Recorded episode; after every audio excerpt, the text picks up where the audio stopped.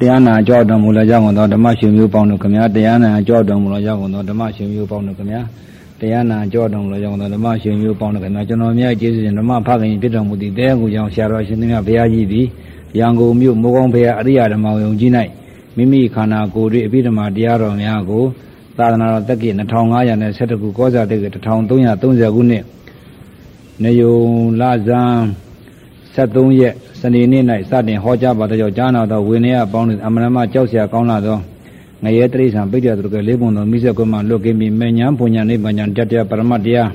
ခန္ဓာယရဏတစ္ဆာတရားများကိုဆရာတော်များဖျားကြီးကဲ့သို့လေးလာကြိုးစားအားထုတ်ပြီးမိမိတို့ရရှိတဲ့အသိဉာဏ်တို့ကဆရာတော်ဘုရားဧကနာကြွများမိအသင်္ကတတ္တမြတ်သောနိဗ္ဗာန်တော်ယခုဘဝနဲ့အပေကိုရှင်နေနေပြီးအာလုံးနိဗ္ဗာန်တော်ကလည်းပဲသို့လှမ်းတဲ့တော်မူနိုင်ကြပါစေခင်ဗျာ ဒကာကြီးမင်းမောင်တတ္တဝါတွေဘေးတွေနာနေတော့ကြက်နေပြီဒကာကြီး မှန်ပါ နော် မှန်ပါ အဲဘေးတွေနာနေကြက်တယ်ဆိုကြက်တယ်လို့ဒါဘာသာလို့ပြောတာအဲဘေးတွေနာနေတော့ကြက်ကုန်မယ်အဲ့ဒါကြောင့်မလို့ဦးစင်းလဲအမျိုးမျိုးအရွာရွာမှာလိုက်ပြီးဟောခဲ့တယ်ဒကာကြီး နှမ်းပါ အနှံ့ဟောခဲ့တယ် မှန်ပါ အနှံ့ဟောခဲ့တော့ အခုနောက်ပိတ်ဆုံးသာသနာမှာကာလဝိမု ക്തി ယူကခေအနတ္တသာသနာတစ်ပတ်ပြန်လှည့်ပါတယ်အဲဒီတော့တရားဓမ္မတွေလည်းပဲအရေးကြီးကုန်ပြီအတိလေးတွေနဲ့နေကြအတိလေးတွေလူတိုင်းလူတိုင်းအတိလေးတွေရှိမယ်ဆိုလို့ရှိရဲ့တရားကြီးဥအေးမောင်ကလည်းအသိသံဃာတော်အရှင်များများတွေကလည်းအသိ ဒကမာကြီးတွေကလည်းအသိသီလရှင်တွေကလည်းအသိဒီလိုအသိလေးတွေရကြမယ်ဆိုအသိတစ်လုံးရထားကြမယ်ဆိုလို့ရှိရင်အိဋ္ဌဆိုတာဖြစ်ပါအောင်မလားအိဋ္ဌအိဋ္ဌဆိုတဲ့ဥစ္စာအိဋ္ဌကအနာအရေးကြီးတယ်တကကြီး လူလူလာပါဗျာ အဲအိဋ္ဌကအနာအရေးကြီးတယ် မှန်ပါဗျာ အဲအိဋ္ဌမဖြစ်ဖို့ကအရေးကြီးတယ်တကကြီးနော်အဲဒီတော့ဒါကြောင့်မလို့ဒီလိုအိဋ္ဌကြောင့်မလို့ဒီကတ်ကြီးနဲ့နေကတ်တယ်တကကြီး မှန်ပါဗျာ နော်အဲအိဋ္ဌကြောင့်မလို့မောဂုတ်ဆရာတော်ဘုရားကြီးလည်းအိဋ္ဌအိဋ္ဌနဲ့တဲဟောတယ်တခါကြီး အိတ်ကမင်းကြီးရတရားအလေးပေးပြီးတော့ဟောပါလေဗျာ အဲအဲ့ဒီတရားဟာအနာဆိုးတဲ့တရား မှန်ပါဗျာ နော် သားရမတော့ရအကုသို့ဖြစ်တဲ့တရားပါဗျာ အဲအိဋ္ဌအိဋ္ဌနဲ့မောဂုတ်ဆရာတော်ဘုရားကြီးဟာအိဋ္ဌအိဋ္ဌဆိုတာအနာသူဒီဟာကိုအကြောင်းခံဟောတာပဲ မှန်ပါဗျာ နော် မှန်ပါဗျာ အဲဒီတော့အရေးကြီးဆုံးအချက်ကအိဋ္ဌမဖြစ်ဖို့အရေးကြီးတယ်တခါကြီး မှန်ပါဗျာ အိဋ္ဌမဖြစ်တာကလည်းအသိရှိမှာတခါကြီး မှန်ပါဗျာ အသိဆိုတော့ဖယားကတခါတည်းကိုဧကဝဇဏံတလုံးထီးတဲ့တခွန်းထီးတဲ့ပြောတယ်တခါကြီး မှန်ပါဗျာ ဘယ်လိုတခွန်းထီးတဲ့ပြောလဲတဲ့ဧကဝဇဏံတစ်ခုထီးတဲ့ဟာကိုအဲပညာနဲ့ပရမဟာနှစ်ခုစပ်စပ်ပြီးတော့တခါတည်းပြောသွားတယ်တခါကြီးမှန်ပါဗျာ နော် မှန်ပါဗျာ အဲဒီတော့မင်းတို့ဟေးတဲ့ခုနကတော့ကလည်းပဲဥစဉ်သောမစားခင်တော့ကတခါကြီးဥအောင်ခင်ဆိုတဲ့တခါကြီးကနေပြီးတော့လာပြီးတော့ရှောက်သွားတယ်တခါကြီး မှန်ပါဗျာ ဘယ်လိုလျှောက်သွားလဲလို့ဆိုလို့ရှိရင်အရှင်ဘုရားတဲ့အရှင်ဘုရားအခုပြောနေတယ်ဘုရားတဲ့တပည့်တော်ကိုပြောတယ်ဘုရားကဟောထားတယ်ပူတာလဲဓာတ်အေးတာလဲဓာတ်လှုပ်တာလဲဓာတ်ကြိုက်တာလဲဓာတ်နူးညံ့တာလဲဓာတ် လှုပ်ရှားတာလည်းဓာတ်ပြတ်တက်လာတာလည်းဓာတ်ချွေးကြလာတာလည်းဓာတ်ဘုရားကဟောတယ်တို့ပူတာကြိုက်တာထုံတာကျင်တာတွေဟာအရှင်ဘုရားရှုတာကတော့ဝေဒနာနံကိုရှုတယ်ဗျာအခုဟာပုံကိုယ်တွေတပည့်တော်ပြောတယ်ဗျာတဲ့ဘုရားကဟောထားတာ ပူတာပထဝီဓာတ်ဤသဘောတရားအာဘောဓာတ်ဤသဘောတရားတေဇောဓာတ်ဤသဘောတရားသဘောတရားတွေဟာဖြင့်ပူမှုအေးမှုဆိုတာကတေဇောဓာတ်တဲ့တခါကြီး မှန်ပါဗျာ ပထဝီတေဇောဓာတ်ကပူမှုအေးမှုပထဝီဓာတ်ကတောင်တင်းခြင်းခက်မာနုညံ့ခြင်းအာဓာတ်တဲ့အဲအာဘောကဖွဲ့စည်းခြင်းယူစည်းခြင်းအာဘောဤဓာတ်တဲ့ဝါယောဤသဘောကပညာအလိုဒီပညာအလိုက ဝါယောဤသဘောတရားဓာတ်ကပညာဤအလိုကတွန်းနေကန်းနေလှုပ်ရှားရင်းရိုင်ထောက်ခံပေးတယ်တဲ့ပညာက ဓာတ်၄ပါးပါဗျာ ဓာတ်လေးပါ ဓာတ်၄ပါးကလွတ်တာဘာမှမရှိပါဘူး အဲအဲ့ဒါဖယားဆိုတာနော် မှန်ပါဗျာ ဖယားကတော့မင်းတို့ဓာတ်တဲ့ဘယ်နဲ့ဖယားကဧကဝဇနာတစ်လုံးတည်းတည်းပြောပါလေရဲ့သားနဲ့ပထဝီလည်းဓာတ်ပဲအာဘောလည်းဓာတ်ပဲတေဇောလည်းဓာတ်ပဲဝါယောလည်းဓာတ်ပဲ မှန်ပါဗျာ နော် မှန်ပါဗျာ ဓာတ်လို့ဘုရားကဧကလို့ဘုရားကဧကဝဇဏံတလုံးဒီတခွန်းဒီတဲ့တခါတဲ့ကိုပြောတာ မှန်ပါဗျာ အလကားပြောတာမဟုတ်ဘူး မှန်ပါဗျာ နော် မှန်ပါဗျာ အဲ့တော့ဥအောင်ခင်ကဥပဇင်းကိုလာပြီးလျှောက်တယ်အရှင်ဘုရားရှုတာကတော့ဘာကိုရှုလဲလို့ဆိုလို့ရှိရင်ဥပဇင်းတို့ရှုတာကတော့တခါတဲ့ကိုအကြောင်းနဲ့အကျိုးကိုတခါကြီး မှန်ပါဗျာ ဒီယုံနဲ့ဒီနာဟာအကြောင်းတရားအကျိုးတရားပဲရှိတယ်တခါကြီး အကြောင်းတတ်ပါရဲ့ဗျာ အကြောင်းကိုသတ်လိုက်တယ်တခါ မှ ကြီး န်ပါဗျာ အကြောင်းသတ်လိုက်မှအကျိုးတရားတွေရမှာဟုတ် မှန်ပါဗျာ အကျိုးတရားဆိုတာကဒကာကြီးပထဝီဓာတ်ဤသဘောအာဘောဓာတ်ဤသဘောတေဇောဓာတ်ဤသဘောဝါယောဓာတ်ဤသဘောဒကာကြီးတို့ဥပဇင်းတို့တန်တရာလာဇတ်ပြည့်တဲ့ကခန္ဓာတဲ့ကပထဝီဓာတ်ကိုမသိလို့အာဘောဓာတ်ကိုမသိလို့တေဇောဓာတ်ကိုမသိလို့ဝါယောဓာတ်ကိုမသိလို့မသိခြင်းကြောင့်မို့ဘယ်ဟာဒီသိသိပညာကြီးကိုသိထားတယ်ဒကာကြီး မှန်ပါဗျာ မရှိပညာပညာကိုသိတာဘယ်လိုသိသလဲတဲ့ခလေးလည်းသိတယ်လူကြီးလည်းသိတယ်ဒကမာကြီးတွေလည်းသိတယ်ဒကာကြီးတွေလည်းသိအကုန်သိ အကုန်ပြီပါ နတ်ပြည်မြမာတွေလည်းသိတယ် မှန်ပါဗျာ နော် မှန်ပါဗျာ ဘယ်လိုသိလဲတဲ့သန္တရာလာဇန်းပြက်တက်ကသိတယ်အသိကအစ္ဆတတသန္တန်ကဓာတ်ကိုသိတာမဟုတ်ဘူးဒကာကြီးကဖယားဧကဝဇဏံတလုံးဒီတဲ့ဓာတ်ကိုသိရမယ်လို့ပြောတာ မှန်ပါဗျာ နော်ဓာတ်မသိပဲနဲ့ဘယ်နဲ့ကြောင့်ဒကာကြီးတင်းတယ်တောင်းတယ်ထုံတယ်ကျင်တယ်လှုပ်ရှားတယ်ကြက်လာတယ်ချွေးကြတယ်ပူတယ်အေးတယ်ရိမ့်ရိုင်တယ်လို့ဘာလို့သိတာလဲဒီ မရှိပညာတွေသိရပါဗျာ မရှိပညာကိုသွားသိတယ်တကယ် မှန်ပါဗျာ ဘုရားကဧကဝဇဏံတလုံးဒီတဲ့ကိုမင်းတို့ပညာနဲ့ပရမတ်နှစ်ခုဆက်ပြီးပြောသွားတယ်တကယ်ကြီး မှန်ပါဗျာ ဧကဝဇဏံတစ်ခုတည်းနော် မှန်ပါ တင်းနာလဲဓာတ်ဖဲနုညံနာလဲဓာတ်ဖဲထုံနာလဲဓာတ်ဖဲအောင့်နာလဲဓာတ်ဖဲကျင်နာလဲဓာတ်ဖဲကြက်တယ်လာတာလဲဓာတ်ဖဲချွေးဒီကြလာတာလဲဓာတ်ဖဲပူတာလဲဓာတ်ဖဲအိတာလဲဓာတ်ဖဲတောနာလဲဓာတ်ဖဲလှုပ်ရှားတာလဲဓာတ်ဖဲရိမ့်ရိုင်တာလဲဓာတ်ဖဲတဲ့ဘုရားဓာတ်ကြီးပဲပြောတယ် အာလုံးဓာတ်တစ်လုံးနေပါဗျာ ဒါကြောင့်မလို့ဒကာကြီးတွေဒကာဒကမကြီးတွေဓာတ်တစ်လုံးပေါက်ရင်အထက်ရောက်တယ် မှန်ပါဗျာ ဓာတ်ပေါက်ရင်အထက်ရောက်တယ်ဒကာကြီးက မှန်ပါဗျာ မျက်စိပေါက်ကဓာတ်တစ်လုံးသေးသွားပြီဆိုရင်နိဗ္ဗာန်ရကြမယ် မှန်ပါဗျာ ။နားပေါက်ကလည်းဓာတ်တစ်လုံးသေးသွားပြီဆိုနိဗ္ဗာန်ရကြမယ် ရပါရဲ့ဗျာ ။ဒါကြောင့်မို့လို့ဖယားလက်ထက်ကဖုတ်တိလမထေရကြီးကိုရင်လေးတရားပေးသလိုပေါ့တခါကြီး မှန်ပါဗျာ ။ဘယ်လိုတရားပေးသလဲလဲကိုရင်လေးကိုရင်လေးကနေပြီးဖုတ်တိလမထေရကြီးတရားပေးလိုက်တယ်တခါကြီး မှန်ပါဗျာ ။ဥပမာလေးတင်ပြီးတော့တခါတည်းပေးလိုက်တာတခါကြီး မှန်ပါဗျာ ။ဘယ်လိုပေးလိုက်တယ်လဲတဲ့ဖုတ်တိလမထေရကြီးဖယားငါးစုစာပို့ချနေတဲ့ဘိဒကသုံးပုံဘယ်ပြန်ညာပြန်လှမ်းနေတဲ့ကိုတော်ကြီးကို မှန်ပါဗျာ ကိုရင်လေးစီသွားပြီးတော့တခါတည်းကမ္မထန်တရားတောင်းရတာ မှန်ပါဗျာ ကိုရင်လေးကတကမ္မထန်တရားပေးရိုက် မှန်ပါဗျာ ဘယ်လိုပေးရိုက်လဲလို့ဆိုတာငါရှင်နဲ့လေခွက်တစ်ခွက်မှာတဲ့အလေကောင်မှာတောင်မုတ်တစ်ခုရှိတယ်တောင်မုတ်တစ်ခုရှိတဲ့အ낵ကားတဲ့ဖွတ်တစ်ကောင်ဟာတဲ့ငယ်ပေါက်6ပေါက်ရှိတယ်တဲ့ဒီတောင်မုတ်ကြီးဟာ မှန်ပါ ငယ်ပေါက်6ပေါက်ရှိတဲ့အ낵ကားတဲ့ဒီဖွတ်ကြီးဟာတဲ့ဝင်လိုက်ထွက်လိုက်တဲ့ထွက်ချင်တဲ့အပေါက်ကဒီသူထွက်နေတယ်တဲ့ မှန်ပါဗျာ အဲ့ဒီဖို့ဘယ်လိုဖမ်းမလဲအဲ့ဒီတော့ဖုတ်တိလမထေရကြီးကတော့သဘောပေါက်တာဗောဖះကလည်းရှိတာကိုတကကြီး မှန်ပါဗျာ ဘိဒကသုံးပုံပြောင်းပြန်လှမ်းနေလို့သိတာ မှန်ပါဗျာ နော် မှဘန်ပါယ်ပြန်နှပြန်လှမ်းနေတာဟုတ်တကကြီး မှန်ပါဗျာ နော်အဲ့ဒီတော့ကိုရင်လေးရှိကမ္မထန်တရားသွားတောင်းတော့ငါးပေါက်ကပိတ်ပြီးတစ်ပေါက်ကစောက်ဖမ်းရင်မိမှာပဲဆိုပြီးတော့ဖုတ်တိလမထေရကြီးလည်းငါးပေါက်ကပိတ်ပြီးတစ်ပေါက်ကနေပြီးစောက်ဖမ်းတာဖွတ်သေးတာပဲ သိရပါတယ်ဗျာ မသိဘူးလား သိရပါတယ်ဗျာ အဲ့ဒီတော့အခုတော့ပုံကိုယ်တွေဖွက်ဖမ်းနေတဲ့ဥစ္စာအဖမ်းလွဲနေ မှန်ပါဗျာ နော် မှန်ပါဗျာ ဖွက်သိနိုင်မှာမလား မသိနိုင်ပါဘူးဗျာ ကဲဖွက်မသိနိုင်တော့ဖွက်သိဖို့ဟာကိုခုတော့ဖွက်တော့ဖမ်းရတာပဲတကကြီး မှန်ပါဗျာ နော်ဖွက်မသိတော့ဘူးတကကြီး မှန်ပါဗျာ ဘယ်လိုဖွက်မသိတယ်လဲဆိုတော့ကဲဖွက်သိဖို့ဟာကိုဦးဇင်းကပြောတာနော် မှန်ပါဗျာ အခုတော့ဖွက်ဖမ်းလွဲနေပြီတကကြီး မှန်ပါဗျာ အစ္ဆတတဏ္ဏ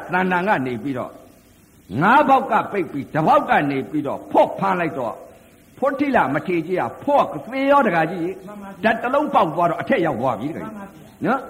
အဲ့ဒီတော့ဓာတ်သေးဖို့အရေးကြီးတာပေါ့ဖခင်ကဧကဝဇဏံတစ်လုံးထီးတယ်ပြောသွားတာ မှန်ပါဗျာ နော်မင်းတို့မြောင်ကြည့်တဲ့ဓာတ်ကိုမြောင်ကြည့်တဲ့ဒီဟာကြဓာတ်ယုတ်ကြည့်တဲ့နော် မှန်ပါဗျာ ဒီခန္ဓာကြီးဟာခန္ဓာ၅ပါးဒီဟာကြီးဟာဓာတ်ကြီး၄ပါးတဲ့ဒီခန္ဓာကြီးဟာနာယုတ်၂ပါးအဲခန္ဓာ၅ပါးတဲ့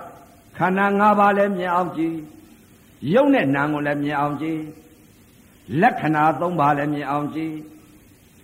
ဓာတ်ဤသဘောတရားလည်းမြေအောင်ကြည့်တဲ့ဒါပဲဟောသွားတယ်တကကြီး မှန်ပါဗျာ အဲ့ဒါဘိဒကသုံးဖို့ကုန်ရော ပုံပါရဲ့ဗျာ မကုန်ဘူးလား ပုံပါရဲ့ဗျာမှ နော် န်ပါဗျာ ဩဓာတ်ကြီးလေးပါရဲ့ခန္ဓာငါးပါးရဲ့ယုံနဲ့နာရဲ့ မှန်ပါဗျာ အဲဒါဖယားဟောပေါ်တာနော် မှန်ပါဗျာ ဓာတ်ယုတ်ကြီးတဲ့မင်းတို့ဓာတ်ကိုလည်းမြင်အောင်ကြည့်တဲ့ခန္ဓာငါးပါးလည်းမြင်အောင်ကြည့်တဲ့ မှန်ပါဗျာ ယုံနဲ့နာကိုလည်းမြင်အောင်ကြည့်တဲ့ မှန်ပါဗျာ လက္ခဏာသုံးပါးလည်းမြင်အောင်ကြည့်တဲ့ မှန်ပါဗျာ အဲ့ဒါဖယားဟောသွားတာအဲ့ဒီတော့ဖယားကဧကဝဇဏံတစ်လုံးပြီးတဲ့စကားပဲပြောတယ်လက်လို့မှောက်လိုက်လှန်လိုက်မပြောဘူး မှန်ပါဗျာ နော် မှန်ပါဗျာ အဲ့ဒီတော့ဖယားပြောတဲ့ဧကဝဇဏံတစ်လုံးသေးတဲ့ဖယားပြောတဲ့စကားလည်းနားလည်မှသိတယ် မှန်ပါဗျာ နားမလည်လဲအလကားပဲတကားကြီး မှန်ပါဗျာ အခုဖယားပြောတဲ့စကားကဧကဝဇဏံတစ်လုံးသေးတဲ့မင်းတို့ပူတာလဲဓာတ်ဖယ်အေးတာလဲဓာတ်ဖယ်လှုပ်တာလဲဓာတ်ဖယ်တွန်းတာလဲဓာတ်ဖယ်ကျင်လာတာလဲဓာတ်ဖယ်ထုံလာတာလဲဓာတ်ဖယ်အဲနူးညံတာလဲဓာတ်ဖယ်ကြက်တက်လာတာလဲဓာတ်ဖယ်ချွေးတွေကြလာတာလဲဓာတ်ဖယ်ဆိုတော့တကားကြီး သန္တရာလာဇတ်ပြက်တဲ့ကမရှိတဲ့တရားတွေသိတာလူလည်းသိတယ်နတ်လည်းသိတယ်ဒကမာကြီးတွေလည်းသိတယ်ဒကာကြီးတွေလည်းသိတယ်သီလရှင်တွေလည်းသိတယ် အားလုံးသိကြပါ အကုန်လုံးဒီလိုပဲသိကြတယ် မှန်ပါဗျာ ခန္ဓာတွေကဖြစ်လာတဲ့ဥစ္စာတွေနော် မှန်ပါဗျာ အဲ့ဒီတော့ခန္ဓာတွေကဖြစ်လာတဲ့သန္တရာလာဇတ်ပြက်တဲ့ကသိတဲ့အသိမျိုးကိုများရှုနေပြီဆိုလို့ရှိရင်ဒီဓာတ်တွေသိပါမလား မှန်ပါဗျာမသိပါဘူးဗျာ ဒီဓာတ်တွေဘယ်တော့မှမသိဘူးနော် မှန်ပါဗျာ ဘယ်သိမလဲဒကာကြီးကမရှိတဲ့ပညာကြီးရှုထားတာ မှန်ပါဗျာ ရှိတဲ့ပရမတ္ထဓာတ်သဘောတရားတွေကိုမရှိဘူး မှန်ပါဗျာ နော်ဖယားကတော့ဓာတ်တဲ့ခန္ဓာ၅ပါးတဲ့ယုံနဲ့နာနှစ်ပါးတဲ့ဖယားဟောထားတာနော် မှန်ပါဗျာ အဲခန္ဓာ၅ပါးရဲ့ယုံနဲ့နာနှစ်ပါးရဲ့ဓာတ်ကြီး၄ပါးရဲ့ဒီခန္ဓာကြီးဟာဒါပဲရှိတယ်တကကြီး မှန်ပါဗျာ အဲ့ဒီဖယားကဧကဝဇဏံတလုံးတည်းတဲ့ဟောထားတဲ့ဥစ္စာခန္ဓာကိုရှုရင်ခန္ဓာပေါက်မယ် မှန်ပါဗျာ ယုံနာကိုရှုရင်ယုံနာပေါက်မယ် မှန်ပါဗျာ ဓာတ်ရှုရင်ဓာတ်ပေါက်မယ် ပေါက်ပါတယ် မပေါက်ဘူးလား ပေါက်ပါတယ် ဘယ်နဲ့ဓာတ်မရှိဘဲနဲ့တကကြီးကြိုက်တာထုံတာကျင်တာကြီးရှုလို့ဓာတ်ပေါက်ပါမလား မပေါက်နိုင်ပါဘူးဗျာ နော်ဖယားကဓာတ်လို့ဟောတယ်တကကြီး မှန်ပါဗျာ ရှုတာကဖယားဖယားလက်ထက်ကလားတကကြီးကဟိုယဟန်တပါဟိုတန်းကမ္မထမ်းပေးလိုက်တယ်လို့ပေါ့ မှန်ပါဗျာ နော် မှန်ပါဗျာ တို့တော့ဖယားစကားလို့တော့ဘယ်လိုပေးဘယ်လိုဆိုလို့ဆိုတော့ဥဒ္ဒဘယဆိုလား မှန်ပါဗျာ ဖြစ်ချင်းပြက်ချင်း သူတရားဥဒ္ဒဗျာယဘယအဲ မှန်ပါဗျာ အဲ့ဒီလိုကမ္မထမ်းတရားပေးလိုက်တာဖြစ်တာပြက်တာရုပ်နဲ့နာမ်ပေးတာဟိုတကကြီး မှန်ပါဗျာ အဲ့ဒီယဟန်ကတခါတည်းမေ့ပြီးတော့ဘာသွားရှုလဲဆိုပြညတ်တက်လွဲနေရောတကကြီး မှန်ပါဗျာ ဘယ်လိုပညာတတ်လွဲလို့ဆိုတော့ကာနာထိုင်နေပြီတမလင်ခွေတဲ့ပြီထိုင်တော့ဘာသွားရှုလဲတော့သူမျက်စီတဲ့မြင်နေတာကရေနဲ့ပြိုင်သွားတွေ့တယ်တခါကြီး မှန်ပါဗျာ ဥတကပကဥတကပကဥတကပကဥတကပကဆိုတော့ပညာတတ်လွဲနေ မှန်ပါဗျာ ပညာတတ်လွဲတော့သစ္စာလေးပါရပါအောင်မလား မရပါဘူး ဓာတ်ပေါက်ပါအောင်မလား မပေါက်ပါဘူး ခန္ဓာငါးပါးမြင်ပါအောင်မလား ဟုတ်ပါဗျာ ဘယ်တော့မှမရဘူး မှန်ပါဗျာ နော်ဖယားကဧကဝဇဏံတစ်လုံးတည်းတည်းပြောသွားတာ မှန်ပါဗျာ ခန္ဓာငါးပါးလည်းမမြင်ဘူး မှန်ပါဗျာ နော်ဓာတ်လည်းမပေါက်ဘူးရုပ်နဲ့နာလည်းမမြင်ဘူး မှန်ပါဗျာ အဲ့ဒီတော့ဘုရားကဟောသွားတဲ့ဥစ္စာဘယ်လိုဟောသွားလဲတဲ့ပညာပရမတ်နှစ်ခုဆက်ဆက်ပြီးတော့ပြောသွားတယ်တခါကြီး မှန်ပါဗျာ ဒါရှိပညာရှိရှိပညာမရှိပညာ မှန်ပါဗျာ နော်ရှိပရမတ်မရှိပရမတ် မှန်ပါဗျာ ရှိပညာမရှိပညာကဘယ်ဟာလဲတဲ့ဓာတ်သဘောရဲ့ခန္ဓာ၅ပါးရဲ့ယုတ်နဲ့နာရဲ့သစ္စာ၄ပါးရဲ့မဲ့ခင်၈ပါးရဲ့ရှိတယ် ရှိတဲ့တရားကြီး ဒါရှိတဲ့တရား မှန်ပါဗျာ နော်အဲ့ဒါရှိပညာ မှန်ပါဗျာ အဲရှိပညာကခန္ဓာမှာတကယ်ရှိတယ်တရား မှန်ပါဗျာ မရှိပညာကခန္ဓာထဲမှာမရှိပညာကိုသွားသိလိုက်တာကတင်းတယ်တင်းတယ်တောင်းတယ်တောင်းတယ်ထုံတယ်ထုံတယ်ကျင်းတယ်ကျင်းတယ်အောင့်တယ်အောင့်တယ်ကြိုက်တယ်ကြိုက်တယ် ကြက်တယ်လာတယ်ကြက်တယ်ပူတယ်ပူတယ်အေးတယ်လှုပ်တယ်ရွာတယ်သွားတယ်လှမ်းတယ်ချတယ်ဆိုတာဒါမရှိပညာ မရှိကြဘူးပါဗျာ မရှိတဲ့တရား မှန်ပါဗျာ ရှိတဲ့တရားကဒကာကြီးဓာတ်ပဲရှိတယ်ဒကာကြီး မှန်ပါဗျာ နော် မှန်ပါဗျာ ပထဝီဓာတ်ကဲအာဘောဓာတ်ကဲတေဇောဓာတ်ကဲဝါယောဓာတ်ကဲအဲလက္ခဏာကနာဤလက္ခဏာယယုတ်ဤလက္ခဏာယအတုပါလက္ခဏာယလက္ခဏာသုံးပါ မှန်ပါဗျာ ခန္ဓာ၅ပါးကယူပက်ခန္ဓာယဝေရณะခန္ဓာယသင်ညက်ခန္ဓာယသင်္ခါရခန္ဓာဝิญญาณခန္ဓာနာခန္ဓာ၄ပါး မှန်ပါဗျာ အကြောင်းတရားအကျိုးတရားသစ္စာ၄ပါး ရှိတရားတွေပါဗျာ ဒါကရှိတဲ့ပရမ မှန်ပါဗျာ ရှိတဲ့ပညာ မှန်ပါဗျာ မရှိပညာကခုနတုန်းကပြောလိုက်တာ မှန်ပါဗျာ အဲ့ဒီတော့မရှိပညာရှိပညာမရှိပရမရှိပရမ မှန်ပါဗျာ မရှိပရမကသဘောတရားတွေကိုတခါကြီးက မှန်ပါဗျာ ခေါ်တဲ့ဟာလည်းသဘောတရားပဲ မှန်ပါဗျာ ကင်လို့မရဘူး မှန်ပါဗျာ နော်တကယ်ရှိတဲ့ဟာခေါ်လိုက်ပြန်တော့လည်းကင်တွယ်လို့မရဘူး မှန်ပါဗျာ မရှိပရမရှိပရမရှိပရမအဲရှိတဲ့ပညာမရှိပညာ မှန်ပါဗျာ သဘောတရားတွေကိုတခါကြီးနော်အဲ့ဒီတော့ပုံကိုယ်တွေအရေးကြီးဆုံးအချက်ကဘာလဲတဲ့ဖျားဟောထားတဲ့တရားဧကဝဇဏံတလုံးတည်းတဲ့ဟောထားတဲ့ဥစ္စာသဘောပေါက်ဖို့အရေးကြီးတယ် မှန်ပါဗျာ နော်ဖျားကဧကဝဇဏံတလုံးတည်းတဲ့ဟောထားတဲ့ဥစ္စာဓာတ်ကြီးလေးပါတဲ့ခန္ဓာ၅ပါးတဲ့ရုပ်နဲ့နာနဲ့သစ္စာလေးပါတဲ့မဲ့ခင်၈ပါတဲ့လက္ခဏာ၃ပါတဲ့ မှန်ပါဗျာ ဒါတခွန်းတည်းရဲ့ပြောတာ မှန်ပါဗျာ နော် မှန်ပါဗျာ အဲ့ဒီတော့ဥပဇင်းတို့လည်းဟိုအတိတ်ကတော့မသိခဲ့ပါဘူးတခါကြီးဟာပညာလက္ခဏာသာသိခဲ့တယ်တခါကြီး မှန်ပါဗျာ နော်အဲ့ဒီတော့ပညာလက္ခဏာသိခဲ့တော့တော်ခက်တယ်တခါကြီး မှန်ပါဗျာ ဟိုတုန်းကလည်းအဲ့လိုလူကြီးတွေသူကြီးတွေဆရာတော်သမတော်ကြီးတွေပြောတယ်တခါကြီးဘယ်လိုပြောတယ်လဲဆိုတော့သဘာဝလက္ခဏာတာမြင်ညလက္ခဏာဒီလိုပြောတယ်တခါကြီး မှန်ပါဗျာ သဘာဝလက္ခဏာတာမြင်ညလက္ခဏာလို့ဒီလိုပြောလိုက်တဲ့အချိန်ခါကျတော့ဒါသဘာဝလက္ခဏာတာမြင်ညလက္ခဏာဆိုတော့ဘုရားစကား မှန်ပါဗျာရှိတဲ့တရားတွေပြော ရှိတဲ့တရားတွေပြော မှ တာ န်ပါဘုဗျာရားလို့ပြောဘုရားစကားပြောတာ မှန်ပါဗျာ သဘာဝလက္ခဏာတာမြင်ညလက္ခဏာသဘာဝလက္ခဏာတာမြင်ညလက္ခဏာကလည်းဘယ်လဲအားလက္ခဏာ၃ပါးကရုပ်ဤသဘာဝလက္ခဏာနာဤသဘာဝလက္ခဏာအတုပါဤသဘာဝလက္ခဏာ မှန်ပါဗျာ ဒီသဘာဝလက္ခဏာမြင်လို့ရှိရင်ဒီတကကြီးတာမြင်ညလက္ခဏာလည်းတွေ့တော့မယ်တကကြီး တွေ့ပါတယ်ဗျာ နော်အဲ့တော့ရုပ်ဤသဘာဝလက္ခဏာရုပ်ဤတာမြင်ညလက္ခဏာအတုပါဤသဘာဝလက္ခဏာအတုပါဤတာမြင်ညလက္ခဏာ နာဣသဘာဝလက္ခဏာနာဣသာမြင်ညလက္ခဏာအဲ့ဒီလက္ခဏာ၃ပါးမြင်ရင်တခါကြီးနိဗ္ဗာန်ကိုတန့်ဝင်တာပဲ မှန်ပါဗျာ နော် ဝင်ပါတယ်ဗျာ ဝင်တာပေါ့ ဝင်ပါတယ်ဗျာ အဲပုဂ္ဂိုလ်အလိုက်ဇလိုက်အလိုက်ယောဂီအလိုက်ရှိတယ်တခါကြီး မှန်ပါဗျာ ဘုရားလက်ထက်ကလည်းပုဂ္ဂိုလ်လိုက်ပုဂ္ဂိုလ်ဆိုတော့နို့သောတာပန်ရင်လည်းပဲတခါကြီးအဲတတချို့လည်း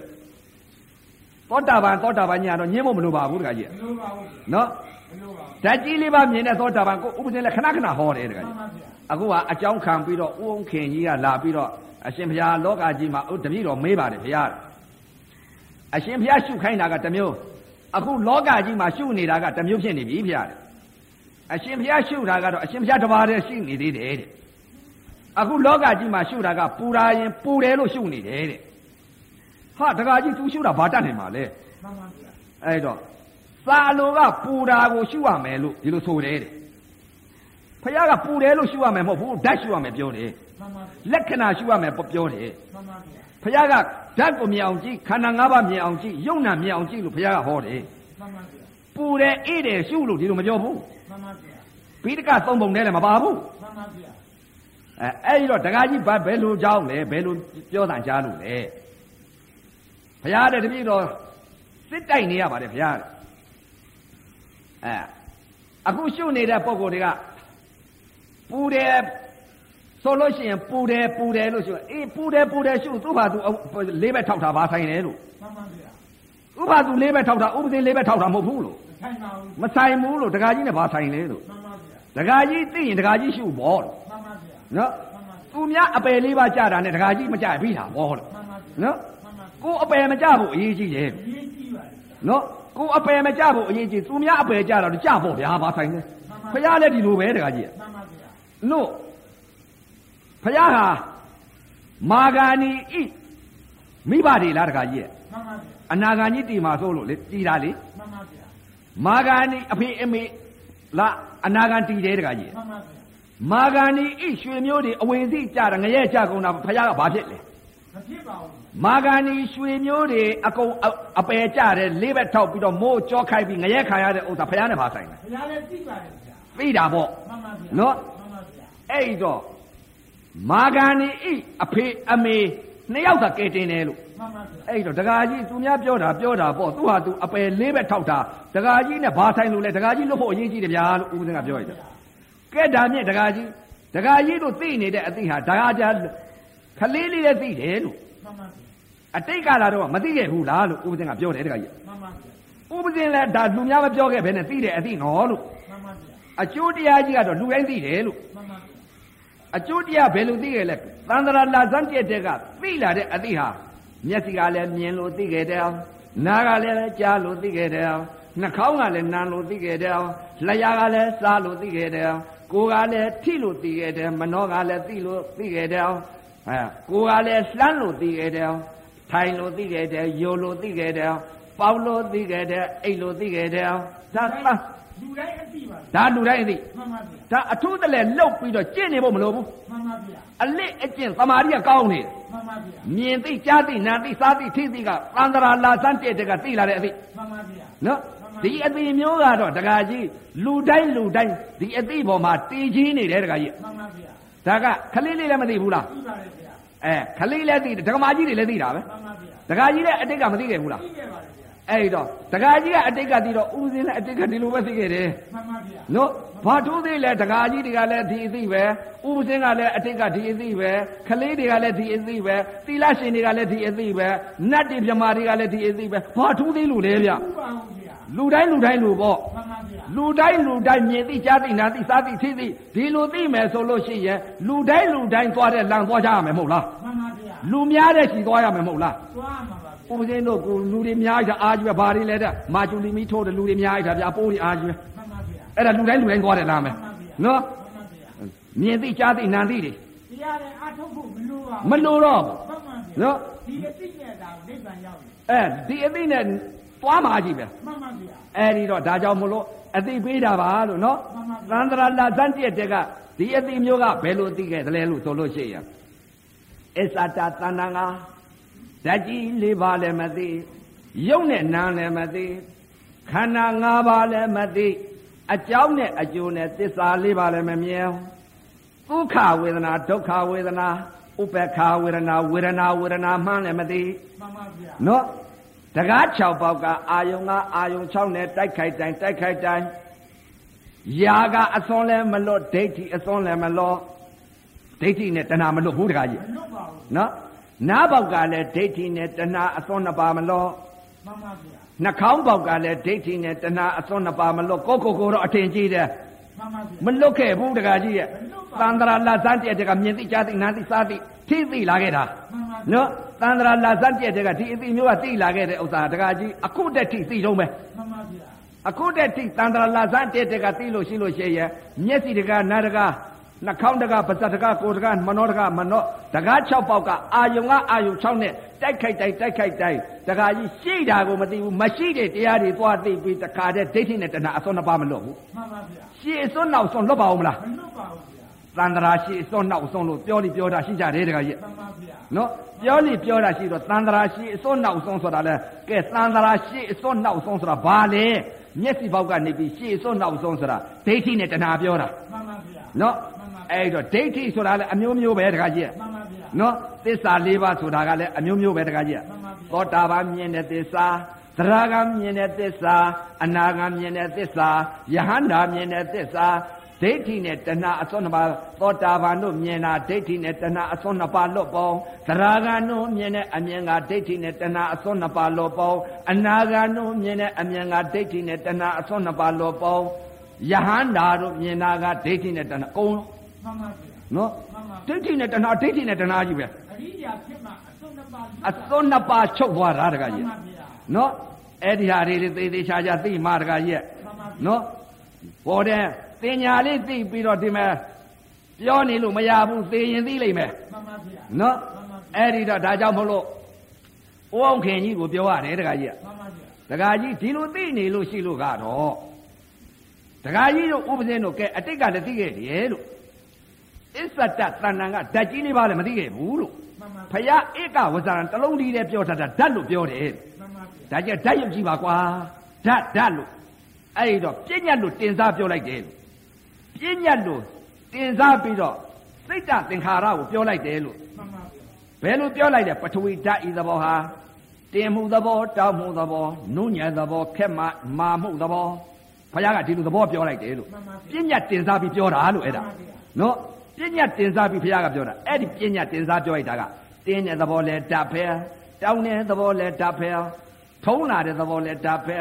အောင့်လာတဲ့သဘောလဲဓာတ်ဖဲကြိုက်လာတဲ့သဘောလဲဓာတ်ဖဲနုညံ့တဲ့သဘောလဲဓာတ်ဖဲအဲ့ဒါဓာတ်ပြောတာလို့ မှန်ပါဗျာ ပြောလိုက်တာကတင်းနဲ့တောက်နဲ့ထုံနဲ့ကျင်နဲ့အောက်နဲ့ဆိုတာကမရှိတဲ့ပညာ မှန်ပါဗျာ ရှိတဲ့ပရမတ္ထသဘာဝကတော့သဘောတရားကတော့ဓာတ်ဤသဘာဝသဘောဓာတ်သဘောလေး မှန်ပါဗျာ သဘောတရား လက္ခလက္ခဏာဏာလေးဓာတ်လက္ခဏာလေးဓာတ်ကိုပြောတာကိုဘုရားက မှန်ပါဘုဗျာရားကဒီမဲ့တစ်ခွန်းနဲ့ပြောတာ မှန်ပါဗျာ အခုတော့ဓာတ်မရှုပါပဲနဲ့ဘယ်နဲ့တင်းတာကြီးရှု မှန်ပါဗျာ ဒကာကြီးဘာလို့တင်းတာကြီးရှုလဲလို့အတိတ်ကလည်းဒကာကြီးတင်းတယ်လို့သိပြီလို့အခုတင်းတာကြီးပေါ်လာတော့ကဲတင်းတယ်တင်းတယ်တင်းတယ်တင်းတာကြီးကပျောက်သွားတယ်လို့ မှန်ပါဗျာ တင်းနာကြီးကပျောက်သွားတော့နှစ်နောက်တစ်ခါပြန်ထိုင်တော့တင်းလာလေဦးမဲလို့ မှန်ပါဗျာ ဒီတက်ကြီးလေးပါဟာသဘာဝပညာကြီးကရှိတယ်လို့ မှန်ပါဗျာ နော်သဘာဝပညာကြီးကတင်းနဲ့တောက်နဲ့ထုံနဲ့ကျင်းနဲ့ဆိုတာသန္တရာလာဇန်တဲ့တဲ့ကသိတာလို့ မှန်ပါဗျာ အဲ့ဒီတင်းနဲ့တောက်နဲ့လို့သိနေတဲ့ဥစ္စာအခုတည်းကနိဗ္ဗာန်မရတာဘာကြောင့်မရသလဲ မှန်ပါဗျာ ဖြစ်ပြက်မဆုံးတာတော့ မှန်ပါဗျာ ဘာကြောင့်လဲအပယ်မလွတ်တာတော့ မှန်ပါဗျာ တင်းနာကြီးသီလို့တော်တော်ကြာတင်းနာကြီးပေါ်လာလို့တင်းတယ်လို့သိရပြန်ပြီ မရှိပညာကြီးသိနေလို့ပါ အဲမရှိပညာကြီးတင်းတာပေါ်လို့တင်းတယ်လို့သိရဗျာမေတောင်းတာပေါ်တော့တောင်းတယ်လို့သိရဗျာမေထုံတာပေါ်တော့ထုံတယ်လို့သိရဗျာမေအောင့်လာတာပေါ်တော့အောင့်တယ်လို့သိရဗျာမေကြိုက်တာပေါ်တော့ကြိုက်တယ်လို့သိရဗျာမေကြက်တာပေါ်တော့ကြက်တယ်လို့သိရဗျာမေချွေးတွေကြလာတော့ချွေးကြလာတယ်လို့သိရဗျာမေ ပူတာပေါ်တော့ပူတယ်လို့သိရဗျာမေအေးတာပေါ်တော့အေးတယ်အေးတယ်လို့သိရဗျာမေလှုပ်တာပေါ်တော့လှုပ်တယ်လှုပ်တယ်လို့သိရဗျာမေတွန်းတာပေါ်တော့တွန်းတယ်လို့သိသိရဗျာမေဒါကြီးအကျိုးတရားကြီးပဲတကယ်ကြီး မှန်ပါဗျာ ဒီအကျိုးတရားကြီးကနောက်တစ်ခါပြန်ထိုင်တော့ဒါဒီပဲလာအောင်ပါပဲ ဒါပါတယ်ဗျာ လက်ဆက်တတ်ပါအောင်မလား မတတ်ပါဘူး သန္တရာဒီပေါ်လဲမနေဘူးလား နေပါတယ်ဗျာ သန္တရာအိတ်အဆုံးတွေးလို့လား မတွေ့ပါဘူး မတွေ့ဘူးနော် မှန်ပါ တန်တရာကြီးလည်းပြီတော်တော်ကြားလဲတင်းလာလေအောင်မန်းတော်တော်ကြားလဲထုံလာလေအောင်မန်းတော်တော်ကြားလဲကြက်တက်လာလေအောင်မန်းတော်တော်ကြားလဲပူလာလေအောင်မန်းတော်တော်ကြားလဲအေးလာလေအောင်မန်းတော်တော်ကြားလဲလှုပ်လာလေအောင်မန်းတော်တော်ကြားလဲမူးလာလေအောင်မန်းအဲတန်တရာကြီးပြေးရှောင်နေပြီတခါကြီး မှန်ပါဗျာ အကျိုးတရားကြီးသိနေပြီတခါကြီး မှန်ပါဗျာ အကြောင်းတရားမသိဘူးတခါကြီးနော်ဖျားဟောထားတဲ့ဧကဝဇ္ဇနာတစ်လုံးနဲ့ဓာတ်သိလို့လား မသိပါဘူးဗျာဓာတ်တော်မသိပဲနဲ့တကာကြီးပူတယ်၊ကြိုက်တယ်၊ထုံတယ်၊ကျင်တယ်၊အောင့်တယ်လို့အဲ့ဒီလိုသိနေရင်တော့လေးမထောက်ရမယ်လား မှန်ပါဗျာ ။တကာကြီးကိုပြောလိုက်တယ်ဦးစင်းက မှန်ပါဗျာ အဲ့ဒီလိုသိနေရင်တကာကြီးတကာကြီးလည်းသိနေရင်လေးမထောက်ရမယ်လားမှလား မှန်ပါဗျာ ။အဲတကာကြီးကတင်းတယ်တောက်တယ်ထုံတယ်ဟွန်းသန္တရာလာတတ်တဲ့ကသွားတယ်လို့သိခဲ့တယ်။မြင်တယ်လို့သိခဲ့တယ်။ကြားတယ်လို့သိခဲ့တယ်။နာတယ်လို့သိခဲ့တယ်။စားတယ်လို့သိခဲ့တယ်။ထိတယ်လို့သိခဲ့တယ်၊ယိုတယ်သိခဲ့တယ်၊ပေါက်တယ်သိခဲ့တယ်။ဒီအသည့်မျိုးကတော့ခလေးလေးလည်းသိတယ်။ မှန်ပါဗျာ ဒါတွေကသန္တရာကြီးလဲနေပြီလို့အကျိုးတရားကြီးသိတာ မှန်ပါ ဒီအသိမျိုးကယုံနာသိတာမဟုတ်ဘူး မှန်ပါဗျာ အဲမရှိတဲ့ပညာကြီးကိုသိသိတာ မှန်ပါဗျာ အဲ့ဒီလိုသိလို့ရှိရင်လေးဘက်ထောက်ပြီးတော့မိုးကြောခိုင်း မှန်ပါဗျာ ဒကာကြီးအဲ့ဒီတော့ဒကာကြီးတော့မသိနဲ့ဘောလို့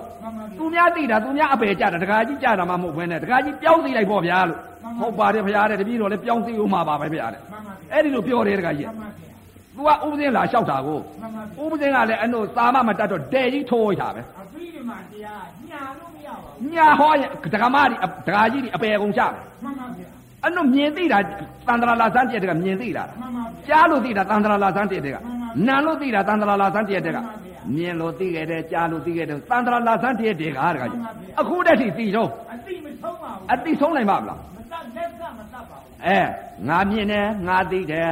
ငါကြားတယ်မြင်တယ်ရှိလို့ရှိရင်ငါမြင်တာကြားတယ်သိနေလို့ရှိရင်ငါကြားတာနာတယ်လို့ဒီလိုသိလို့ရှိရင်ငါနာနာ မှန်ပါဗျာ စားတယ်လို့ဒီလိုသိရင်ငါစားတာ မှန်ပါဗျာ ထိတယ်လို့သိရင်ငါထိတာသိတယ်လို့ရှိရင်ငါသိတာအဲငါကြီးပဲတခါကြီး မှန်ပါဗျာ ဖះငါလွတ်ရမယ်တဲ့ မှန်ပါဗျာ ဖះကဧကဝဇနာတစ်လုံးတည်းတဲ့ဓာတ်သိတယ် မှန်ပါ ခန္ဓာ၅ပါးသိတယ်ယုံနဲ့နာသိတယ် မှန်ပါဗျာ သစ္စာလေးပါအကြောင်းတရားအကျိုးတရားသိတယ် မှန်ပါဗျာ ဖះက တခွန်းတိတဲ့ပြောသွားတာအမှန်တရားဗျာဖရာသိချင်းညူဖို့ကောင်း မှန်ပါဗျာ ဖရာပြောတာအမှန် မှန်ပါဗျာ ဖရာပြောတဲ့စကားကိုမသိရဘူးတခါကြီးဟာ မှန်ပါဗျာ နော်လောကကြီးမှာမသိတာကများတယ် မှန်ပါဒါဗျာကြောင့်မလို့ဖယားကဟောထားတယ်တရားများဖယားကဒီမဲ့လက်ဦးတော့ငါငါပြောတဲ့ဟာလည်းသိမှာမဟုတ်ပါဘူးတဲ့ငါဖယားကဒီမဲ့အဘိဓမ္မာတရားဟာအနန္နုညသိမ်မွေ့တဲ့တရားတဲ့ဖယားကတခါတည်းတခါတည်း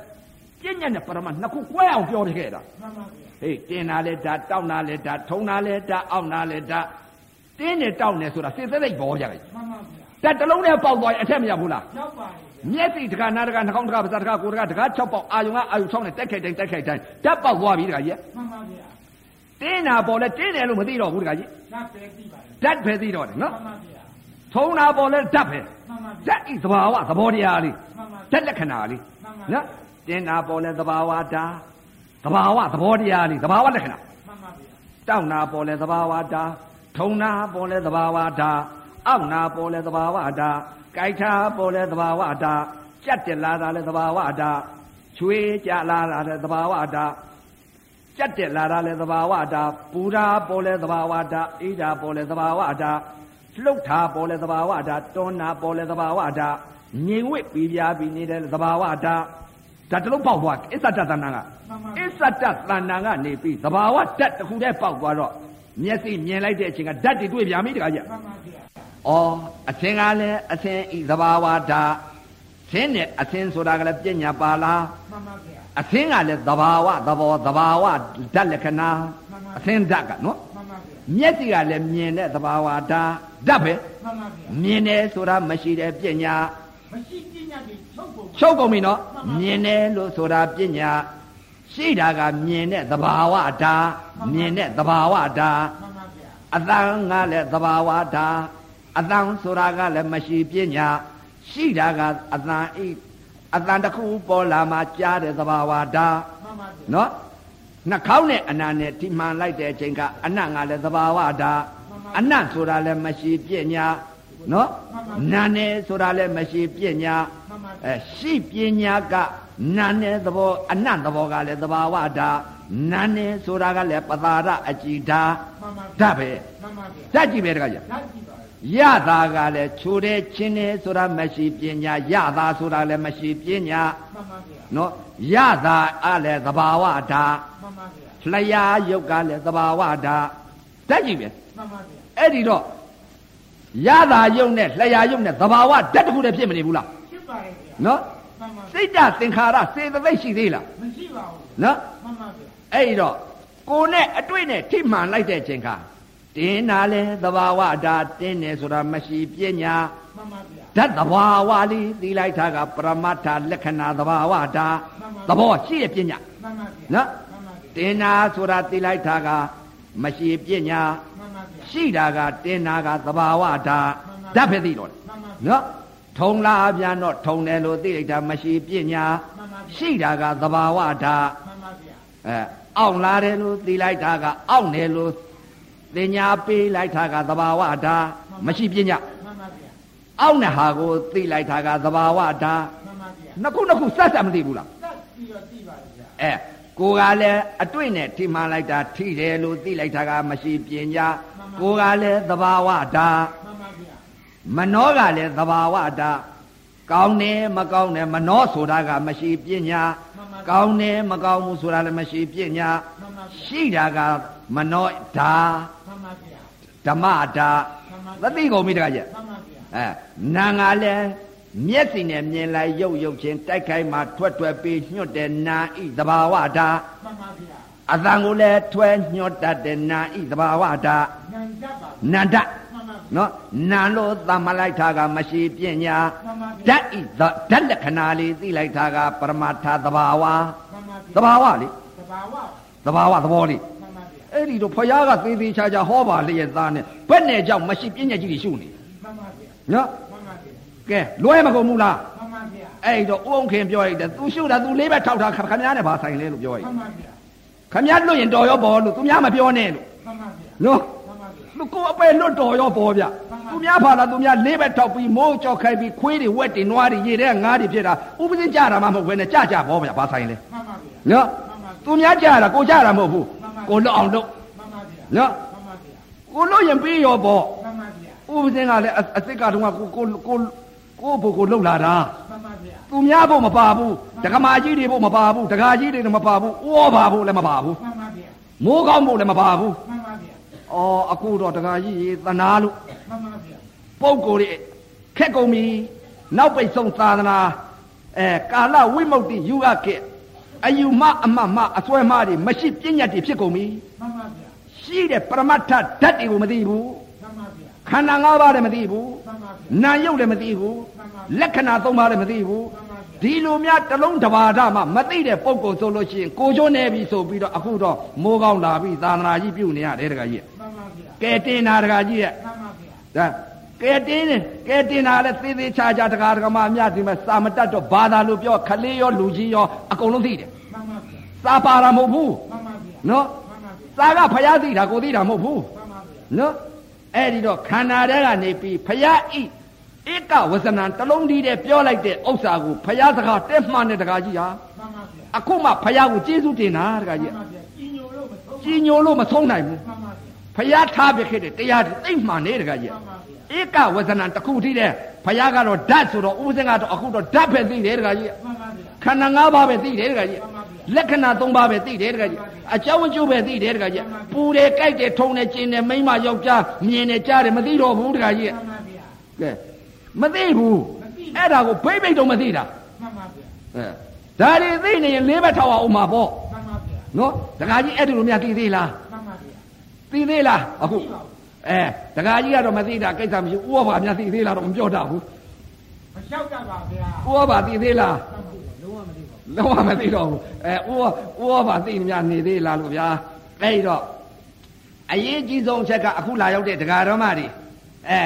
ဖယားကဧကဝဇဏံတစ်လုံးတည်းတည်းပြောတာဓာတ်ယုတ်ကြီးတဲ့ဓာတ်ပေါက်ရင်အထက်ရောက်မယ်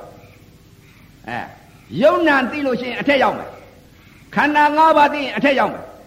အကြောင်းတရားအကျိုးတရားအကြောင်းသမုဒ္ဒရာအကျိုးယုံနာဒုက္ခကိုဒုက္ခသစ္စာဒုက္ခသမုဒ္ဒရာနှလုံးထဲမြင်သစ္စာလေးပါးဟာဒုက္ခနဲ့သမုဒ္ဒရာပဲ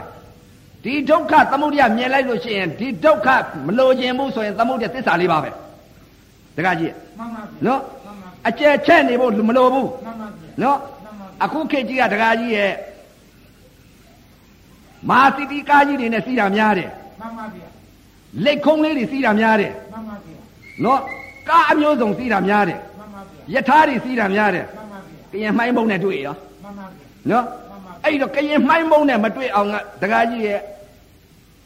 မင်္ဂလာဒုံလေးအများရှိတယ်ဗျ မှန်ပါဗျာ ဖော်ကာ မှန်ပါဗျာ ဖော်ကာသိမ့်မြန်တယ် မှန်ပါဗျာ နော်ခကြီးသွားခြင်းအတူတူဘယ်လိုကမြန်လဲ သူကအမြန်ပါလေဗျာ ကဲ အမြန်ပါလေဗျာ အခုလာရောက်တဲ့ဒကာဒကမတွေကဲယထာတွေစီးမလားမော်တော်ကားတွေစီးမလားဖော်ကာစီးကြမလားဒကမကြီးတွေဒကာကြီးတွေပြောကြ နိုင်ကုန်လို့အောင်ဖော်ကာကြည့်ပါမယ်ဗျာ အော်ဖော်ကာစီးမလားဖော်ကာတော့စီးကျင်တယ်လို့ မှန်ပါ နော်ဖော်ကာတော့စီးကျင်တာပေါ့ဖော်ကာစီးရင်တော့အလင်းမြန်ရောက်မယ်ဒကာကြီး မှန်ပါဗျာ ကဲဖော်ကာစီကြဆိုတခါကြီး မှန်ပါဗျာ နော် မှန်ပါဗျာ ဖော်ကာစီမှအရင်ရောက်မှာ မှန်ပါဗျာ အဲ့ဒီတော့တခါကြီးကဖခင်ကဧကဝဇဏတလုံးတည်းတည်းပြောသွားတယ်တခါကြီး မှန်ပါဥပဇဗျာင်းတို့အတိတ်ကကျင့်လာတဲ့ဥစ္စာလည်းအမှားတွေတွေ့ရတယ်တခါကြီး မှန်ပါဖခဗျာင်လည်းပဲ6နှစ်လုံးလုံးကျင့်တာအမှားတွေတွေ့ရတယ်တခါကြီး မှန်ပါဗျာ အမှားတွေတွေ့ခဲ့တော့အဲ့ဒီတော့မှသူကဩဖခင်ကပြလိုက်တော့တခါကြီးဖခင်က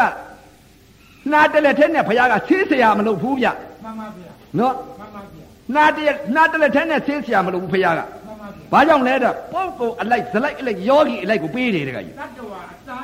တတ္တဝါအစားတတ္တဝအစာသားပါသာ တရားလေအစားသားပါ တရားလည်းအစာသာပေးတယ်တခါကြီးနော်တရားလည်းအစာသာပေးတယ်တခါကြီး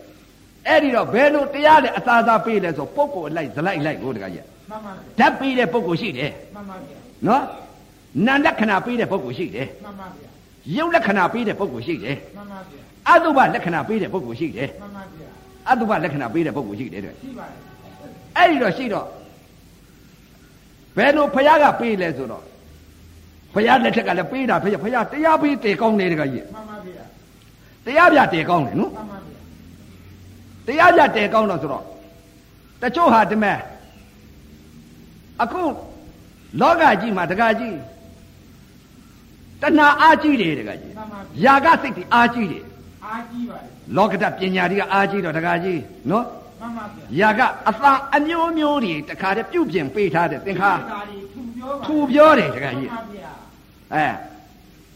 ယာကစိတ်တွေအားကြီးတယ်စောင်းချမ်းတယ် မှန်ပါဗျာ တောင်းကြတော့ဖះကယာကတောင်းကြတဲ့ပုဂ္ဂိုလ်ဘာပေးလဲဆိုတော့ဖះပေးတော့ဖះကမ္မထမ်းပြတယ်တရားပေးအနံကောင်းတဲ့ဖះ မှန်ပါ အတုလာအတုမရှိတပ်ပြညုတ္တရွှေညာတော်ရတယ်ဖះကိုတခါကြီး မှန်ပါဗျာ ဖះဟာလူနတ်ပြန်မှာကိုးခွေတိုက်တယ်ဖះကိုတခါကြီး မှန်ပါဗျာ တရားပြကောင်းကြောင်ပြောတာနော် မှန်ပါဗျာ နာတလက်ထဲနဲ့ဆေးเสียမလို့ဘူး မှန်ပါဗျာ နာတလက်ထဲနဲ့ဆေးเสียလှုပ်လို့ရှိလို့ရှိရင်နာကတော့ဆေးเสียတော့ဆေးเสียကြီးဆေးเสียကြီးပဲတခါကြီး မှန်ပါဗျာ ဆေးเสียကြီးလို့တခါတည်းသူ့မှာเสียကြီးပေါ့တခါကြီးဟာ မှန်ပါဗျာ ဆရာကြီးဆရာကြီးတော့ဆေးရတော့ပါလဲတဲ့တက်လက်ထဲ မှန်ပါဗျာ နှာတက်လက်ထဲ မှန်ပါဗျာ ခေါင်းကိုက်လာလို့နှာတွေမှွန်းလာပြီဆိုရင်အဲ့ဒီဆရာကြီးရှိသွားတယ်တကကြီး မှန်ပါဗျာ ခေါင်းကိုက်လို့နှာနှာတွေစီးလာပြီခေါင်းကိုက်တယ်ဆိုတော့အဲ့ဒီဆရာကြီးရှိသွားတော့ तू ကဆေးဆရာကြီးကိုတကကြီးက မှန်ပါဗျာ तू ကဆေးဆရာကြီးဆိုပြီးတော့လောကက तू ကပြညတ်ထား မှန်ပါ တယ်ဆေးဆရာကြီးရလို့ပြညတ်ထားတယ်တကကြီး မှန်ပါဗျာ အဲ့ဒီတော့ဂိုင်းခေါင်းကိုက်ပြီးတော့နှာတွေမှွန်းနေတော့အဲ့ဒီဆေးဆရာကြီးသွားတာပေါ့တကကြီး မှန်ပါဗျာ အဲ့တော့သူ့ရှိတဲ့နာလေးတက်လက်နဲ့တခါတည်းကိုပြေးလိုက်တော့ဟာချိုဟာချိုဟာချိုချီတော့ခေါင်းကိုက်နဲ့နှာစီးလေးပြောက်သွားတယ် မှန်ပါဗျာ နောက်တစ်ခါကျတော့ဝင်းသွားတယ်လူသွားပြန်ရတခါကြီး မှန်ပါဗျာ ဝင်းတွေကသွားနေတယ်တခါကြီး မှန်ပါဗျာ ဝင်းသွားတယ်ဝင်းသွားတယ်လူသွားပြန်တော့ဝင်းတွေကလည်းမနေမနာသွားနေတာဟုတ်တခါကြီး မှန်ပါဗျာ သွားနေတော့အဲ့ဒီနာတလက်ထဲနဲ့ဆေးเสียလုံနေတဲ့ပုံကိုယ်ကိုတခါသွားပြန်တယ်တခါကြီး မှန်သူ့ပါဗျာမှာဆေးကဒီတလက်ထဲကိုတခါကြီး မှန်ပါဗျာ ဆေးကဒီတလက်ထဲဆိုတော့ဝင်းကလည်းသွားနေတော့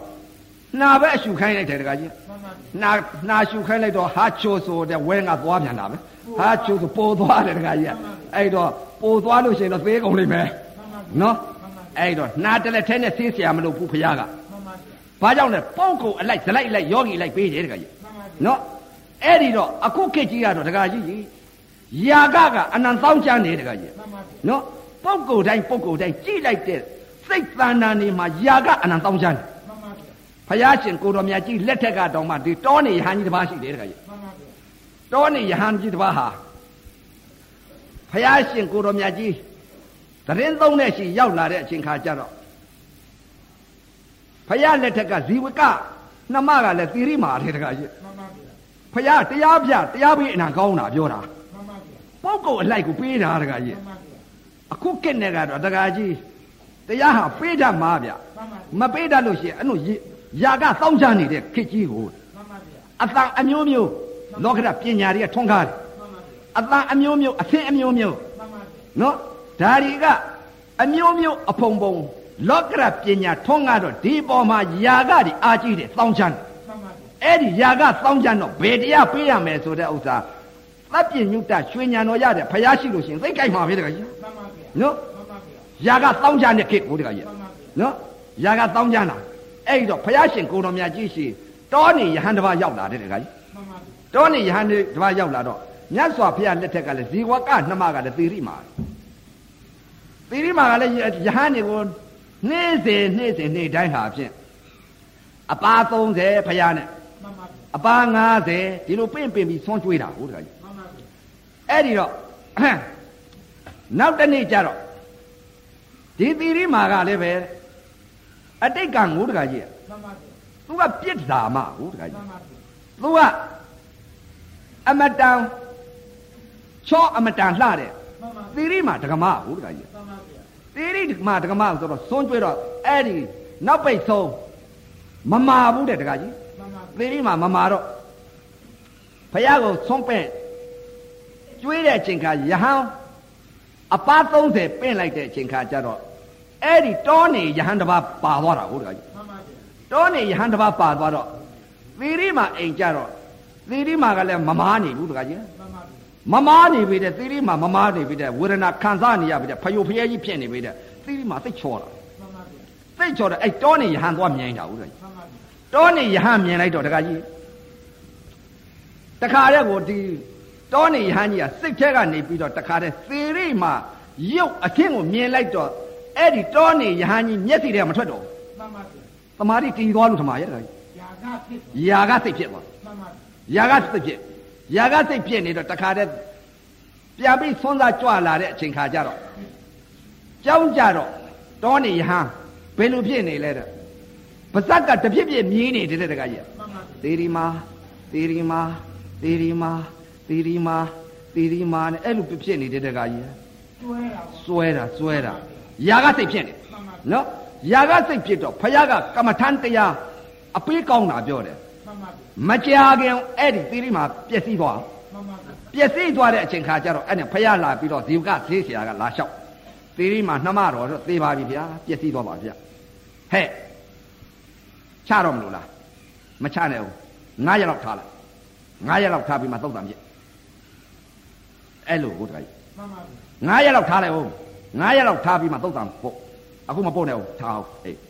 သိပြီလေဖခင်ကတော့ မှန်ပါပြီ တောနေယဟန်ကြီးကသီရိမာသီရိမာသီရိမာသီရိမာအမလီသီရိမာသီရိမာသီရိမာနဲ့ဟောနေမကောင်းတာတောင်ဖယိုဖရက်ဖြစ်နေတာတောင်သီရိမာမျက်စီတွေကမထွက်တော့ဘူးဟိုမှာအမတန်ချောတဲ့သီရိမာဟုတ်တယ်က မှ ကြီး န်ပါပြီ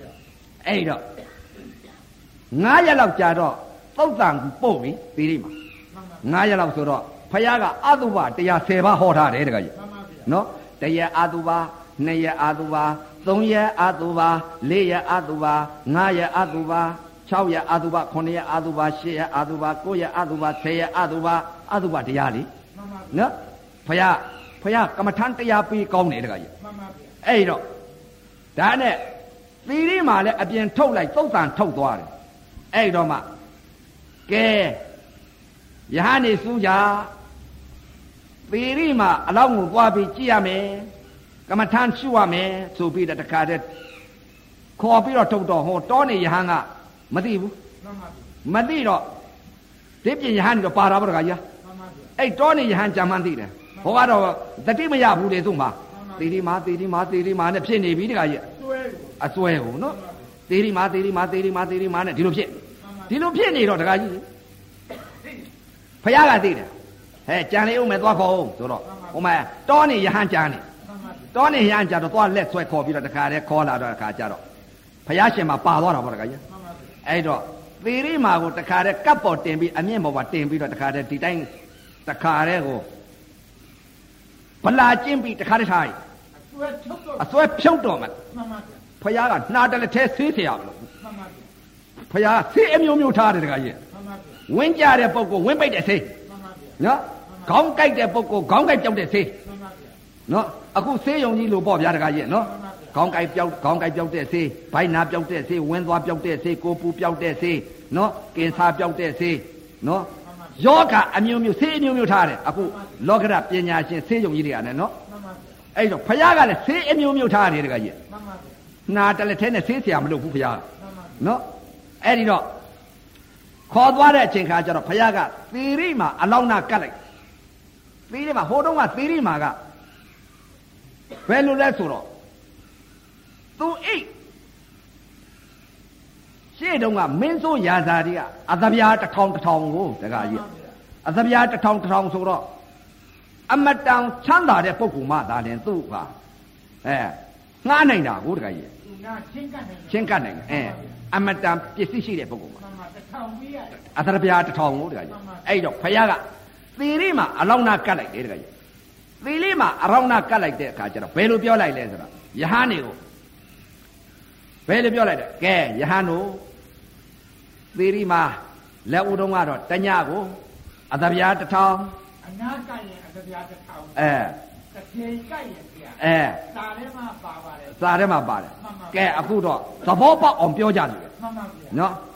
အဲ့တော့ပြောပြီဖယားက မှန်ပါ ကမ္မထန်တရားပေးတော့မယ် မှန်ပါဗျာ ကဲယဟန်တို့လက်ဥသီရိမဟာအသဗျာတစ်ထောင်ပေးပါပေးရင်တညပဲရတယ် မှန်ပါဗျာ အခုငါကအသဗျာတစ်ထောင်ပေးငါအတင်ပေးမယ် မှန်ပါဗျာ ဒီလိုပြောတော့ မှန်ပါဗျာ ကဲယူကြမလားယဟန်တို့ မှန်ပါဗျာ မယူဘူးဗျ ဘယ်လိုလဲ အတင်ပေးပါတော့မယူဘူး မှန်ပါဗျာ သီရိမာကိုလေ မှန်ပါဗျာ သီရိမာကိုဟိုတုန်းကသီရိမာဟာတညကိုအသဗျာတစ်ထောင် မှန်ပါဗျာ အခုငါအပိုင်ပေးမယ် မှန်ပါဗျာ ဒလက်သေးကြီးငါပေးမယ်တစ်ထောင်ပေး မှန်ပါ ဖះကနော်ပေးတယ်မဝယ်မဲ့လူမရှိဘူး မရှိပါ ဝယ်မဲ့လူမရှိတော့ဖះကဈေးပြန်တစ်ခါချပြန် မှန်ပါဗျာ ဘယ်လိုဈေးပြန်ချလဲကဲတစ်ထောင်အသပြာတစ်ထောင်များသေးလို့ရှိရင်သေရိမှာငါအပိုင်ပေးမယ်အသပြာ900 မှန်ပါဗျာ ယူရမလားယဟန်တို့ မှန်ပါ မယူပြမှုတကားကြီး ဘူးပါဘူး မယူဘူးနော် မှန်ပါဗျာ အသပြာ900ငါအဲအပိုင်ပေးမယ်ဒီတစ်ခါဖះကတစ်ခါပြောပြန်တယ်ယူမဲ့လူမရှိဘူးယဟန်နေ မှန်ပါဗျာ အဲ့တော့ အသမယာ900နဲ့လည်းအပိုင်ပေးလို့လည်းမဝယ်ဘူးတခါကြီး မှန်ပါဗျာ နောက်တစ်ခါကျတော့အသမယာ900ကနေပြီးတော့ကဲယဟန်တို့အသမယာ900ကိုများတယ်လို့ထင်သေးလို့ရှိရင်အသမယာ250အပိုင်ပေးမယ်ယူကြမလား မှမန်ပါဗျာယူပြဘူးတခါကြီး ကျော်စီးပြီး လျှော့သေးဖခင်ကရောင်းနေတာပြောတယ်နော်သေးလေးမှာကိုလျှော့သေးနဲ့ရောင်းနေတာ မှန်ပါဗျာ နော်အဲ250ပေးပေးမယ်အပိုင်ငါပေးမယ်ဆိုတော့ဝယ်သူမရှိဘူးယဟန်နေ မှန်ပါဗျာ ကဲဒါမြင်ရင်ယဟန်တို့အသပြာ900များသေးလို့ရှိရင်အသပြာ100အပိုင်ပေးမယ်ဝယ်သူမရှိဘူး မှန်ပါဗျာ အသပြာ100ကနေပြီးတော့တကကြီးဝယ်သူမရှိတော့90လျှော့တယ်ဖခင်ကလျှော့သေးနဲ့ပေးတာပြောတယ် မှန်ပါဗျ90ာအတပြာ90ကြတယ်လို့ဝယ်သူမရှိဘူး မှန်ပါဗျာ 90ကနေပြီးအစိတ်ဝယ်သူမရှိဘူး မှန်ပါဗျာ အစိတ်ကနေပြီးရှော့ရှော့ရှော့သွားသွားတာတာတပြားကြတယ်ဝယ်သူမရှိဘူးတပြားကြတယ်နောက်ဘလို့မဝယ်သူမရှိတော့မှအဲ့တော့မှတကာကြီးအဲ့ဒီတော့ဝယ်သူမရှိတော့မှအဲ့တော့မှကဲသီရိမာဆိုတာချော်တာရှိသေးသလားလှတာရှိသေးသလားကဲနှစ်သက်စရာရှိသေးသလားအဲ့ဒီတော့မှခန္ဓာ၅ပါးယုံနာတရားပြောင်းလဲခြင်းသဘောတရား မှန်ပါဗျာ အဲအဲ့ဒီတော့မှဖယားကကမ္မထမ်းပေးတယ်ကောင်းတယ် မှန်ပါဗျာ နော် မှန်ပါဗျအဲာဘာကြောင့်လဲတဲ့ပုဂ္ဂိုလ်အလိုက်ဇလိုက်အလိုက်အဲ့ဒီလိုဖယားကနေပြီးတော့ကမ္မထမ်းတရားပေးလိုက်တော့အဲ့ဒီပညာကြီးတင်စားပြီးတော့တခါတည်းပရမတ္ထသဘာဝပြောင်းလဲခြင်းသဘောတရားတွေသဘာဝလက္ခဏာတွေမြင်သွားတော့တခါကြီးယဟန္တာတွေဖြစ်ကုန်တယ်တခါကြီး ပြင်းပြပရမနှစ်ခုသတ်သွားတာကို ပြီးသွားရော မှန်ပါဗျာ သိသွားတော့အဲ့ဒါဒီအခုပုံကိုယ်ဒီဥပဇင်းတို့တော့တပါကြီးအတုပလက္ခဏာတင်ပြီးသဘောပေးလိုက်တာအတုပလက္ခဏာပညာကြီးပါကွာလို့ဆိုတဲ့အဲ့ဒါပညာနဲ့ပရမမကွဲလို့ မှန်ပါဗျာ နော် မှန်ဖပါယားတော်မှဒါပေးလို့ယဟန္တာတွေသီရိမာသီရိမာသီရိမာဖြစ်တဲ့ယဟန်တော်ယဟန်ဟန်တော်ယဟန္တာဖြစ်သွားတယ်တကကြီးဘာကိုပေးတာလဲဒါအတုပကမ္မထမဟုတ်လား မှန်ပါဗျာ ဒီအတုပကမ္မထပေးလိုက်လို့ယဟန္တာဖြစ်သွားတာဘယ်ကသမထလဲ မှန်ပါဗျာ သမထဆိုတာကတခါကြီးဘယ်လိုလဲတဲ့သမထနဲ့ဝိပဿနာဆိုတာကွဲဖို့အရေးကြီးတယ်တခါကြီး ရေးကြည့်ပါလေ တခိုးဒီတဲ့အေကောဓမောတခုဒီတဲ့ရှုနေရင်တော့သမထပေါ့ မှန်ပါဗျာ ဘယ်လိုရှုမလဲတဲ့စိတ်ထဲကနေပြီးတော့အာတုဘအာတုဘစိတ်ထဲကသိုးနေရင် မှန်ပါဗျာ အာတုဘအာတုဘအာတုဘအာတုဘအာတုဘအာတုဘအာတုဘအာတုဘအဲ့ဒါသမထ မှန်ပါဗျာ နော် မှန်ပါဗျာ ဒီတော့အာတုဘသာပညာလို့တင်စားပြောတာတခါကြီး မှန်ပါဗျာ ဖျားပေးတယ်လို့ကမ္မထန်တရားကိုဘယ်လိုပေးလဲအာတုဘဤသဘာဝလက္ခဏာကိုပေးတယ် မှန်ပါဗျာ ဘယ်လိုပေးလဲဘယ်လိုပြောင်းလဲပြီးပြက်တယ်လေသဘောကိုကြည့်သူသဘောကိုကြည့် မှန်ပါဗျာ ပြောင်းလဲတဲ့သဘောတရားဟာဘာလဲတဲ့ရုပ်ဟာဖြစ်နေဖြစ်နေဖြစ်နေဖြစ်နေဖြစ်နေပြောင်းလဲတဲ့အတုပလက္ခဏာသဘော မှန်ပါဗျာ နော် မှန်ပါဗျာ အဲ့တော့အတုပအတုပအတုပအတုပဒီလိုရှုရင်သမထ မှန်ပါဗျာ နော် မှန်ပါဗျာ ပထဝီပထဝီပထဝီပထဝီရှုရင်သမထ မှန်ပါဗျာ တေသောတေသောတေသောတေသောရှုရင်သမထ မှန်ပါဗျာ ကြိုက်တယ်ကြိုက်တယ်ကြိုက်တယ်ကြိုက်တယ်ရှုရင်သမထ မှန်ပါ ပူတဗျာယ်ပူတယ်ပူတယ်ပူတယ်ပူတယ်ရှုရင်သမထထိုင်နေထိုင်နေထိုင်နေထိုင်နေဆိုသမထ အိတ်တဲ့အိတ်တဲ့အိတ်တဲ့အိတ်တဲ့ဆိုသမထမြင်နေမြင်နေမြင်နေမြင်နေသမထ ပြ ရာ န်လို့ရှိတာပါဗျာ အဲအဲ့ဒါသမထခေါ်တယ် မှန်ပါဗျာ ဝိပဿနာမဟုတ်ဘူး မှန်ပါဗျာ အဲ့ဒီလိုတခုတည်းတဲ့ကိုရှုနေတဲ့မရှိပညာကိုရှုနေတာအဲ့ဒါသမထ မှန်ပါဗျာ နော်သဘောကိုအရှုခိုင်းတာကဝိပဿနာတကကြီး မှန်ပါဗျာ ဘယ်လိုလဲတဲ့ဖယားကတရားပေးကောင်းတော့ကဲကြည်စားကြည်လိုက်တဲ့အချိန်ကမှငါရဲ့အတုပကနေပြီးတော့တခါတည်းထိုင်ပြီးတော့ကျူးလိုက်တဲ့အချိန်ခါမှာတရေအတုပဤသဘောနှစ်ရေအတုပဤသဘောသုံးရေအတုပဤသဘောလေးရေအတုပဤသဘောငါးရေအတုပဤသဘော၆ရေအတုပဤသဘောခုနှစ်ရေအတုပဤသဘောရှစ်ရေအတုပဤသဘောကိုယ်ရေအတုပဤသဘောဆယ်ရေအတုပဤသဘောဖယားဟောထားတာသတိပဋ္ဌာန်တရား၄ပါးထဲမှာပါတယ်တကကြီး မှန်ပါဗျာ အတုပတရား10ပါးဆိုတာတချို့ကဒါသမထထင်နေတယ်တကကြီး မှန်ပါဗျာ နော် မှန်ပါဗျာ ဝိပဿနာလုပ်ရင်ဝိပဿနာပေါ့ မှန်ပါဗျာ သမထလုပ်ရင်သမထပေါ့ သမထတွေပြင်ရင်သမထ အဲအဲ့ဒါပညာပေါ့တခါကြီးရဲ့ မှန်ပါဗျာမှန် နော်အခုတော့တလန်းတီးတဲ့တဦးတီးတဲ့လွတ်ယူထားတယ်တခါကြီး ပါဗျာ အဲ့တော့ပညာပရမမကွဲတာလောကကြီးများတယ်တခါကြီး မှန်ပါဗျာ အဲ့တော့မြတ်စွာဘုရားကိုတော်မြတ်ကြီးဟာတခါတည်းကိုယဟန်တဲ့ယဟန်တွေကိုတခါတည်းကိုအတုပသဘောတရားကိုတင်ပြီးနှလုံးသွင်းပြရတယ်တခါကြီး မှန်ပါဗျာ ကဲကြည်စာဆိုတဲ့အချိန်ခါမှာဟိုတုန်းကအသီရိမှာအမတန်ချောတယ်အမတန်လှတယ်ပြလိုက်တယ်တခါကြီး မှန်ပါဗျာ အမတန်ချောအမတန်လှတော့မာနေတဲ့အချိန်ခါမမာတဲ့အချိန်ခါကျတော့ဖယိုဖယဲကျတော့တစ်မျိုးရုပ်တွေပြောင်းပြောင်းပြီးတော့ဖယားက မှန်ပါဗျာ သီရိမှာဟိုတုန်းကအနံချောတယ် မှန်ပါဗျာ ချ ချောပြီတဲ့အခုချောနိုင်သေးသလား မှန်ပါဗျာ အခုပုတ်လာပြီ မှန်ပါ ဗိုက်ကြီးကလည်းဖောင်းသွားပြီ မှန်ပါဗျာ နော်မျက်စိကြီးတွေကလည်းယိုကျလာပြီ ရုပ်ပြောင်းပုံပေါ့ ရုပ်ပြောင်းပုံပြောပြီတကယ်ကြီး မှန်ပါဗျာ မျက်စီတွေကလည်းမျက်စီကလှသေးသေးသလားမျက်စီကလည်းပြောင်းလွယ်သွားပြန်ပြီနှာခေါင်းတွေကလည်းပြောင်းလွယ်သွားပြန်ပြီလျှာတွေကလည်းပြောင်းလွယ်သွားပြန်ပြီကိုယ်အဲ့ကိုယ်လက်အင်္ဂါတွေကလည်းပြောင်းလွယ်နေပြီကဲလိုရင်စရာတာတွယ်စရာနှစ်သက်စရာရှိကြသေးသလားရုပ်ဤသဘောတရားကပြောင်းလွယ်ခြင်းသဘာဝတရား မှန်ပါပုဗျာတ်လာတယ်ပွာလာတယ်သွေးပုတ်တွေကျလာတယ်လောက်တွေစားလာတယ်ရင်တွေအုံလာတယ်ရှားကြီးတွေထွက်လာတယ်မျက်စိကြီးတွေပြူးထွက်လာတယ်သွေးပုတ်ပြေပုတ်တွေကျလာတယ်လောက်စားတယ်အယိုးကြီးဖြစ်သွားတယ်အယိုးကမဲမဲပြီးတော့ဆွေးမြိတ်ပြီးတော့သုံညတာဖြစ်သွားတယ် မှန်ပါဗျာ တခါတဲ့ဖယားကသုံညတာဖြစ်အောင်ကိုတခါတဲ့ပြစ်လိုက်တာမြင်စရာသိစရာညှို့စရာဒိဋ္ဌရံတရက်ကိုပျောက်ပေးတယ်တခါတဲ့ယဟန္တာတွေဖြစ်သွားတယ် ပုံညဖြစ်သွား ပုံညဖြစ်သွားတယ် မှန်ပါဖဗျာယားကတရားပြပေးတယ်ကောင်းတယ် မှန်ပါဗျာ အဲဒကာကြီးကဖယားကနှာတလက်ထဲနဲ့သေးဆရာမလုပ်ဘူး မှန်ပါဗျာ နှာတလက်ထဲနဲ့သေးဆရာလုပ်လို့ရှိရင်မှားပြီလားမှား မှန်ပါဗျာ နော် မှန်ပါဗျာ အဲ့တော့ပုဂ္ဂိုလ်အလိုက်ယောဂီအလိုက်ရှိရဲဒကာကြီးက မှန်ပါဗျာ အခုခေတ်ကြီးကတော့ဒကာကြီးပေါ့ပေါ့ပေးလို့မရဘူးလေယာကအနံတောင်းချမ်းတယ် မှန်ပါဗျာ လောကရပညာတွေကထွန်းကားတယ်ဒကာကြီးက မှန်ပါဗျာ လောကရပညာတွေထွန်းကားတော့ဒကာကြီးယာကဖြစ်နေတဲ့စိတ်ကိုယာကချုပ်အောင်ပေးမှ မှန်ပါဗျာ နော် မှန်ပါဗျာ ရာကချုပ်အောင်ဘယ်လိုပေးမလဲဒေါသချုပ်အောင်ဘယ်လိုပေးမလဲမောဟချုပ်အောင်ဘယ်လိုပေးမလဲဆိုတာသူ့နည်းတွေရှိတယ် မှန်ပါဗျာ နော် မှန်ပါဗျာ အဲ့ဒီတော့မျက်စိပေါက်ကဒိဋ္ဌိပြုတ်တဲ့စေ မှန်ပါဗျာ အဲဒိဋ္ဌိပြုတ်တဲ့စေတဏှာပြုတ်တဲ့စေ မှန်ပါဗျာ မောဟပြုတ်တဲ့စေ မှန်ပါဗျာ ဖခင်ကစေနည်းတွေနဲ့ပေးသွားတာတကကြီး မှန်ပါဗျာ နော်ပုဂ္ဂိုလ်အလိုက်ဇလိုက်အလိုက်ယောဂီအလိုက်ကိုပေးတာ မှန်ပါဗျာ နာတလက်ထဲနဲ့သိเสียမလို့ဘူး မှန်ပါဗျာ အဲ့ဒီတော့ဒကာဓမ္မဒီလည်းပဲအခုလာရောက်တဲ့ဒကာဓမ္မဒီရုပ်ကလည်းအမျိုးမျိုးမဟုတ်လား မှန်ပါဗျာ အသင်းကရော အမျိုးမျိုးပါ တန်ဌာနကရောအမျိုး အ မျိုး မျိုးမျိုးပါ အသင်းကလည်းအမျိုးမျိုး မှန်ပါဗျာ စိတ်တွေကလည်းအမျိုးမျိုး မှန်ပါဗျာ ဒါကြောင့်မလို့တရားကလည်းအမျိုးမျိုးပဲ မှန်ပါဗျာ နော်သောတာပန်ညင်းတော့အတူတူ မှန်ပါဗျာ သောတာပန်ဆိုတာတစ်ခုပဲရှိတယ် မှန်ပါဗျာ ဖယားကခွဲလိုက်တော့တည်ငါသောတာပန်ဝိခံပနာသောတာပန်သမုံစေရာသောတာပန် မှန်ပါဗျာ သောတာပန် သုံးမျိုးပါ သုံးမျိုး မှန်ပါဗျာ နော်အဲ့တော့သုံးမျိုးရှိတယ်တခါကြီး မှန်ပါဗျာ စိတ်တွေပြန်ခွဲတာကိုတက မှ ကြီး န်ပါဗျာ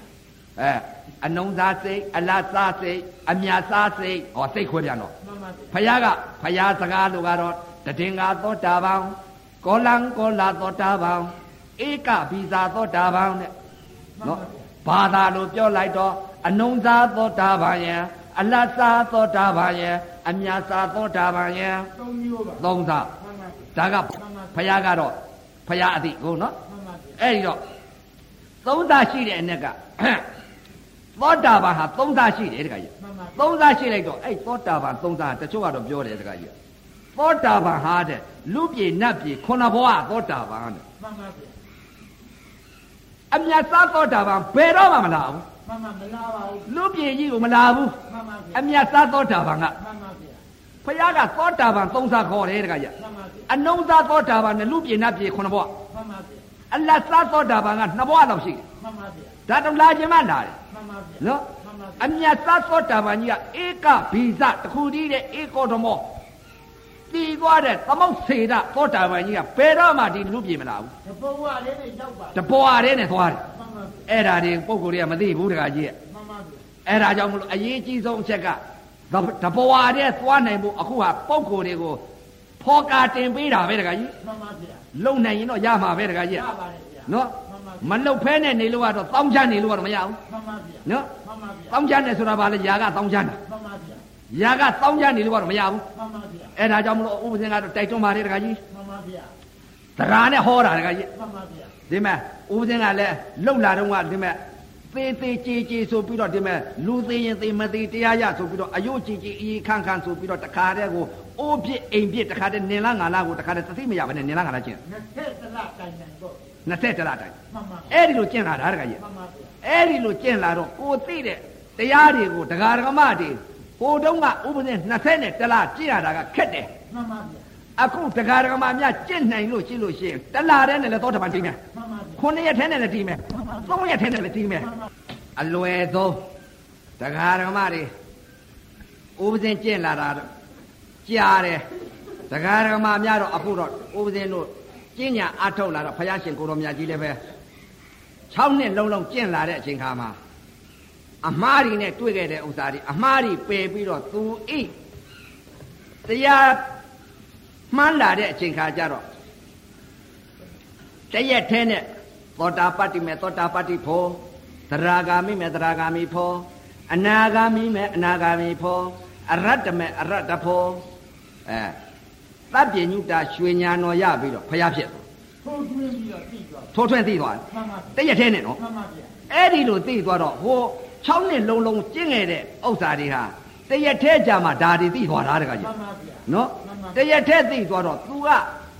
ငါအတိတ်ကကျင့်လာခဲ့တဲ့ဥစ္စာတွေအမှားတွေပါလားဆိုတော့ तू အကုန်ပြန်သိ မှန်ပါဗျာ ပြန်သိလိုက်တဲ့အချိန်ခါကျတော့သူပြလိုက်တဲ့အချိန်ခါကျတော့တခါကြီးရယ်တထိုင်နဲ့နဲ့လည်းတခါတည်းကိုသောတပန်တီးတဲ့ပုံကိုယ်ကြီး မှန်ပါဗျာ အနာဂံကြီးတီးတဲ့ပုံကိုယ်ကြီး မှန်ပါယဗျာဟန္တာကြီးဖြစ်သွားတဲ့ပုံကိုယ်ကြီး तू ကတခါတည်းလမ်းတို့လေးနဲ့ဖော်ကာပို့လိုက်တာကိုတခါကြီး တလုံးလေးနဲ့တောင်ရောက်ကုန်ရ တလုံးနဲ့နဲ့လည်းရောက်ကုန်တာမ မှန် နော် ပါဗျာ တခါတည်းကိုပါဒံပါရမီအရက်အနှုံတခါတည်း तू ကတော့သိတာကိုတ မှ ခါ န် ကြီး ပါဗျာ တခါတည်းပေးလိုက်တော့တလုံးနဲ့နဲ့လည်းတခါတည်းယဟန္တာကြီးဖြစ်ကုန် ကြားယုံနဲ့တောင်ကိစ္စပြီးကုန် ပြီးသွားတာနော် မှန်ပါဗျာ အဲ့တော့ကြားယုံနဲ့ကိစ္စပြီးသွားတယ်ဆိုတော့အဲ့တော့မြတ်စွာဘုရားလက်ထက်ကဒကာကြီးတယောက်တည်းဒကာကြီးဟာ မှန်ပါဗျာ ဒကာကြီးတယောက်ဆိုတော့ဘုရားရှင်ကိုတော်မြတ်ကြီးတရားတစ်ပွဲတစ်ပွဲကိုချထားလိုက်တဲ့ဥစ္စာပရိသတ်ကများတာကိုဒကာကြီး မှန်ပါဗျာ အဲ့ဒီဒကာကြီးတယောက်ဟာအဲ့ဒီပရိသတ်တဲ့မဝင်နိုင်ဘူးတဲ့ဒကာကြီး မှန်ပါဗျာ မဝင်နိုင်တော့တော်တဲ့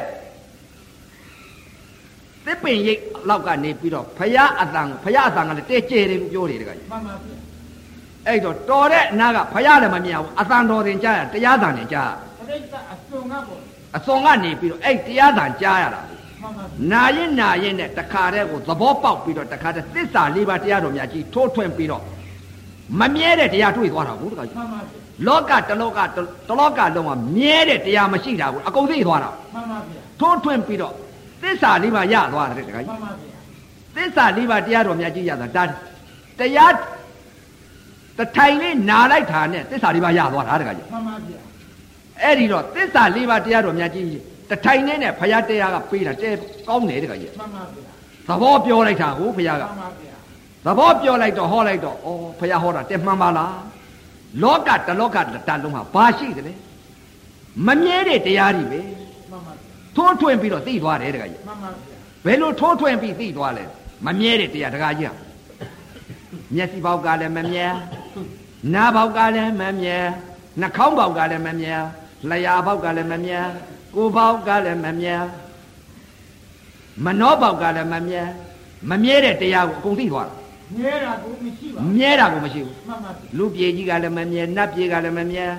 ဗြဟ္မာပြေကလည်းမမြဲဘူး မှန်ပါဗျာ နော်လောကသုံးပါးဘုံသုံးပါးမြဲတဲ့တရားတစ်ခုမှမရှိဘူး မှန်ပါဗျာ မမြဲတဲ့တရားကိုတခါတည်းအကုန်လုံးယုံနံသဘာဝသဘောလက္ခဏာကိုသိသွားတာ မှန်ပါဗျာ တခါတည်းသိသွားတော့အိမ်ပြန်သွား မှန်ပါ ဟောငါရထားတဲ့တရားဖះရှောက်ခြင်းပါ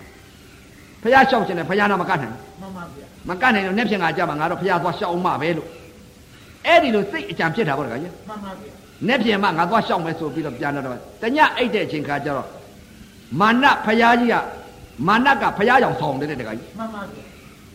မာနကဖះရောင်ဆောင်ပြီးတော့အဲ့ဒီတခါကြီးရှိသွားတယ် မှန်ပါဗျာ သွားတော့ဒါကြောင့်မလို့အရိယာများဟာအတန်ဖဏာနဲ့သိတယ်တခါကြီး သိပါတယ် အတန်ပဲလို့ဖမ်းတယ်ဆိုတော့လက်ဦးတော့မသိဘူးပေါ့တခါကြီးရဲ့ မှန်ပါဗျာ မာနကြီးကမာနမှမသိသေးဘူးတခါကြီးရဲ့ မှန်ပါဗျာ မာနကဖရာအသွင်ဖန်ဆင်းထားတယ်တခါကြီး မှန်ပါဗျာ ဖရာအသွင်ဖန်ဆင်းထားတယ်ရောင်ကြီးတော်6ပွဲကိုမြုပ်ပြီးတော့ဖရာကဖရာကိုမာနကဖိတာကိုတခါကြီး မှန်ပါဗျာ အဲ့တော့မာနကဖရာအသွင်ဖန်ဆင်းပြီးရောင်ကြီးတော်6ပွဲဖြန့်ပြီးတခါတည်းဖရာရောင်ဆောင်သွားတာကိုတခါကြီး ယောဂီအပင်နေနေကို အဲလောကီအပင်ရှင်တွေရတာကိုတခါကြီးမှန်ပါဗျာ ဖရာရောင်ဖန်ဆင်းပြီးသွားတော့အဲ့ဒီသောတာပန်သစ္စာလေးပါရတဲ့တခါကြီးကမြင်လိုက်တော့အဲ့တော့ဩမာနဖရာကြီးမှမသိဘူးတခါကြီး မှန်ပါဗျာ ဖရာပဲလို့သိလိုက်တယ်တခါကြီး မှန်ပါဗျာ ဩမြတ်စွာဘုရားကိုရမြတ်ကြီးဘယ်အရေးဘယ်ကိစ္စငါရှိကြွလာပါလိမ့်မယ်လို့ဒီလိုထင်မှတ်လိုက် မှန်ပါဗျာ အဲ့တော့တခါတည်းခကြီးဥကျိုးသူကသွားပြုတ်အဲ့တော့မှသွားပြီးတော့ဝက်ပါကုန်းချတယ်ပြီးတော့မြတ်စွာဘုရား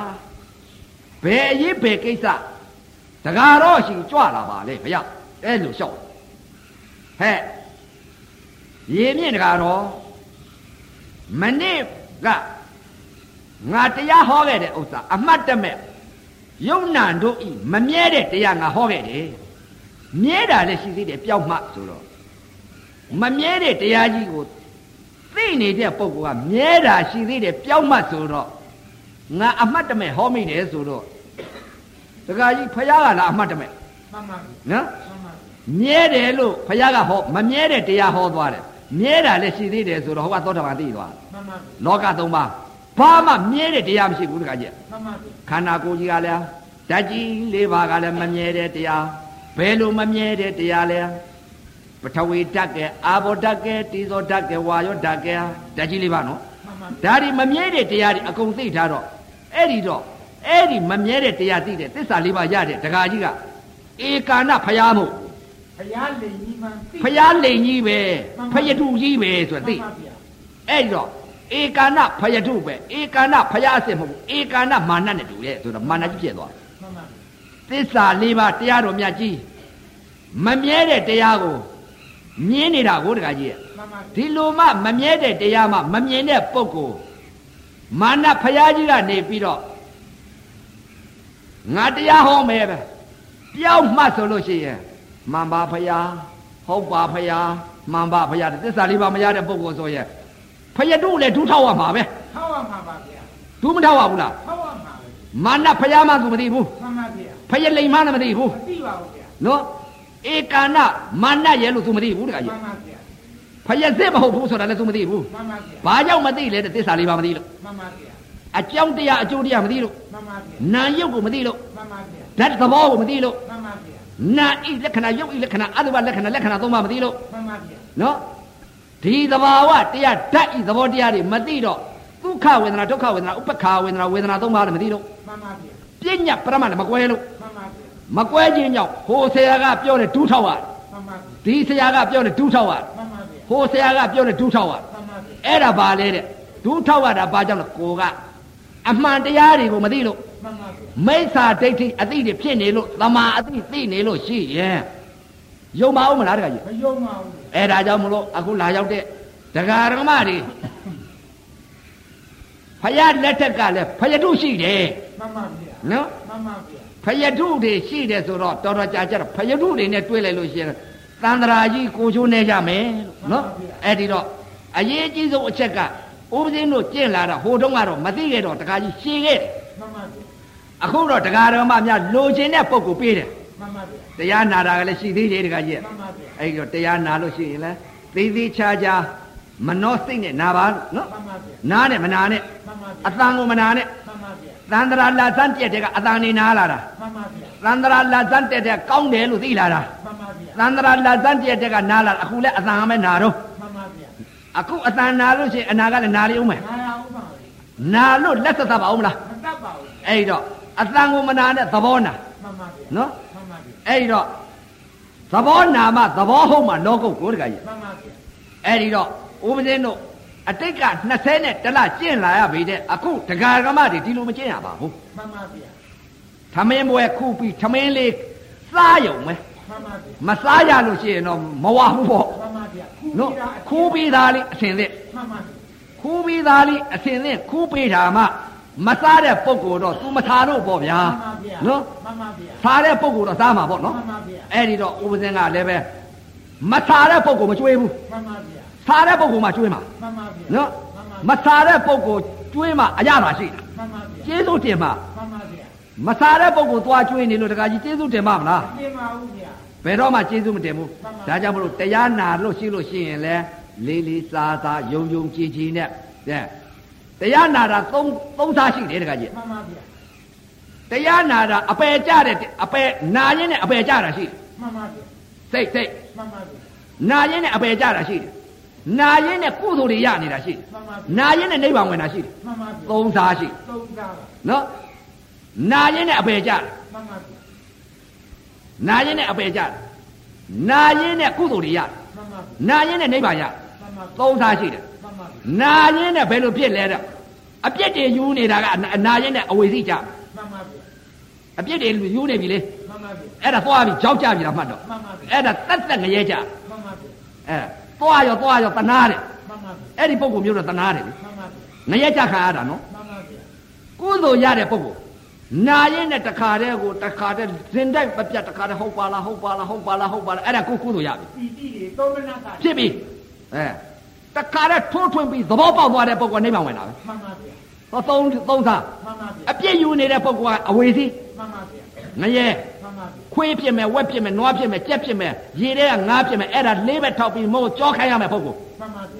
အဲ့ဒါအဲ့ဒီပုဂ္ဂိုလ်တရားရှိတယ်တရားနာရင်နဲ့ မှန်ပါပြီ ကုသိုလ်ဖြစ်မဲ့ပုဂ္ဂိုလ်တစ်ခုတစ်ဦးတစ်ယောက်ရှိတယ်တစ်ဦးရှိတယ် မှန်ပါပြီ နိဗ္ဗာန်ဝင်မဲ့တစ်ပုဂ္ဂိုလ်တစ်ဦးရှိတယ် မှန်ပါပြီ အဲ့တော့နိဗ္ဗာန်နိဗ္ဗာန်ဝင်မဲ့ပုံကောကဘယ်လိုလဲတဲ့သဘောနာတယ် မှန်ပါပြီ သဘောပေါက်အောင်ဟောတယ် မှန်ပါပြီ သဘောကိုနာတယ် မှန်ပါပြီ နော်အဲ့ဒီတော့အခုလာရောက်တဲ့ဒကာဓမ္မတွေလည်းပဲနိဗ္ဗာန်ဝင်အောင်နာပါလို့ မှန်ပါပြီ နော်တထိုင်နဲ့နဲ့နိဗ္ဗာန်ဝင်သွားအောင် မှန်ပါပြီ အဲ့တော့ဟောမဲ့တရားကလည်းပဲတဲ့စာမပါပါဘူးဗျ မှန်ပါပြီ သဘောဟောမှာ မှန်ပါပြီ လူလဲခလေးလေးလည်းသိတယ်ဒကမာကြီးတွေလည်းသိတယ်စာမတတ်တဲ့ဒကမာကြီးတွေလည်းသိမယ် မှန်ပါပြီ နော်ဒကာကြီးတွေစာမတတ်တဲ့ဒကာကြီးတွေလည်းသိမယ် မှန်ပါပြီ အကုန်လုံးလူရောနတ်ရောဗြမာရောသိတယ်သဘောဟောတာကို မှန်ပါပြီ ဒကာကြီးလည်းယုံနဲ့နာမဲမဟုတ်လား ရုပ်နဲ့နာပါဗျာ ဒကာကြီးလည်းခန္ဓာ၅ပါးပဲမဟုတ်လား မှန်ပါဗျာ ဒကာကြီးလည်းဓာတ်ကြီး၄ပါးပဲမဟုတ်လား ဟုတ်ပါတယ်ဗျာ အဲ့ဒီတော့ဓာတ်ဟောလို့ရှိရင်လည်းဒကာကြီးလည်းဓာတ်ဥရုစင်လည်းဓာတ်ဒကမာကြီးတွေလည်းဓာတ် အားလုံးတတ်ပါဗျာ ဓာတ်ပဲ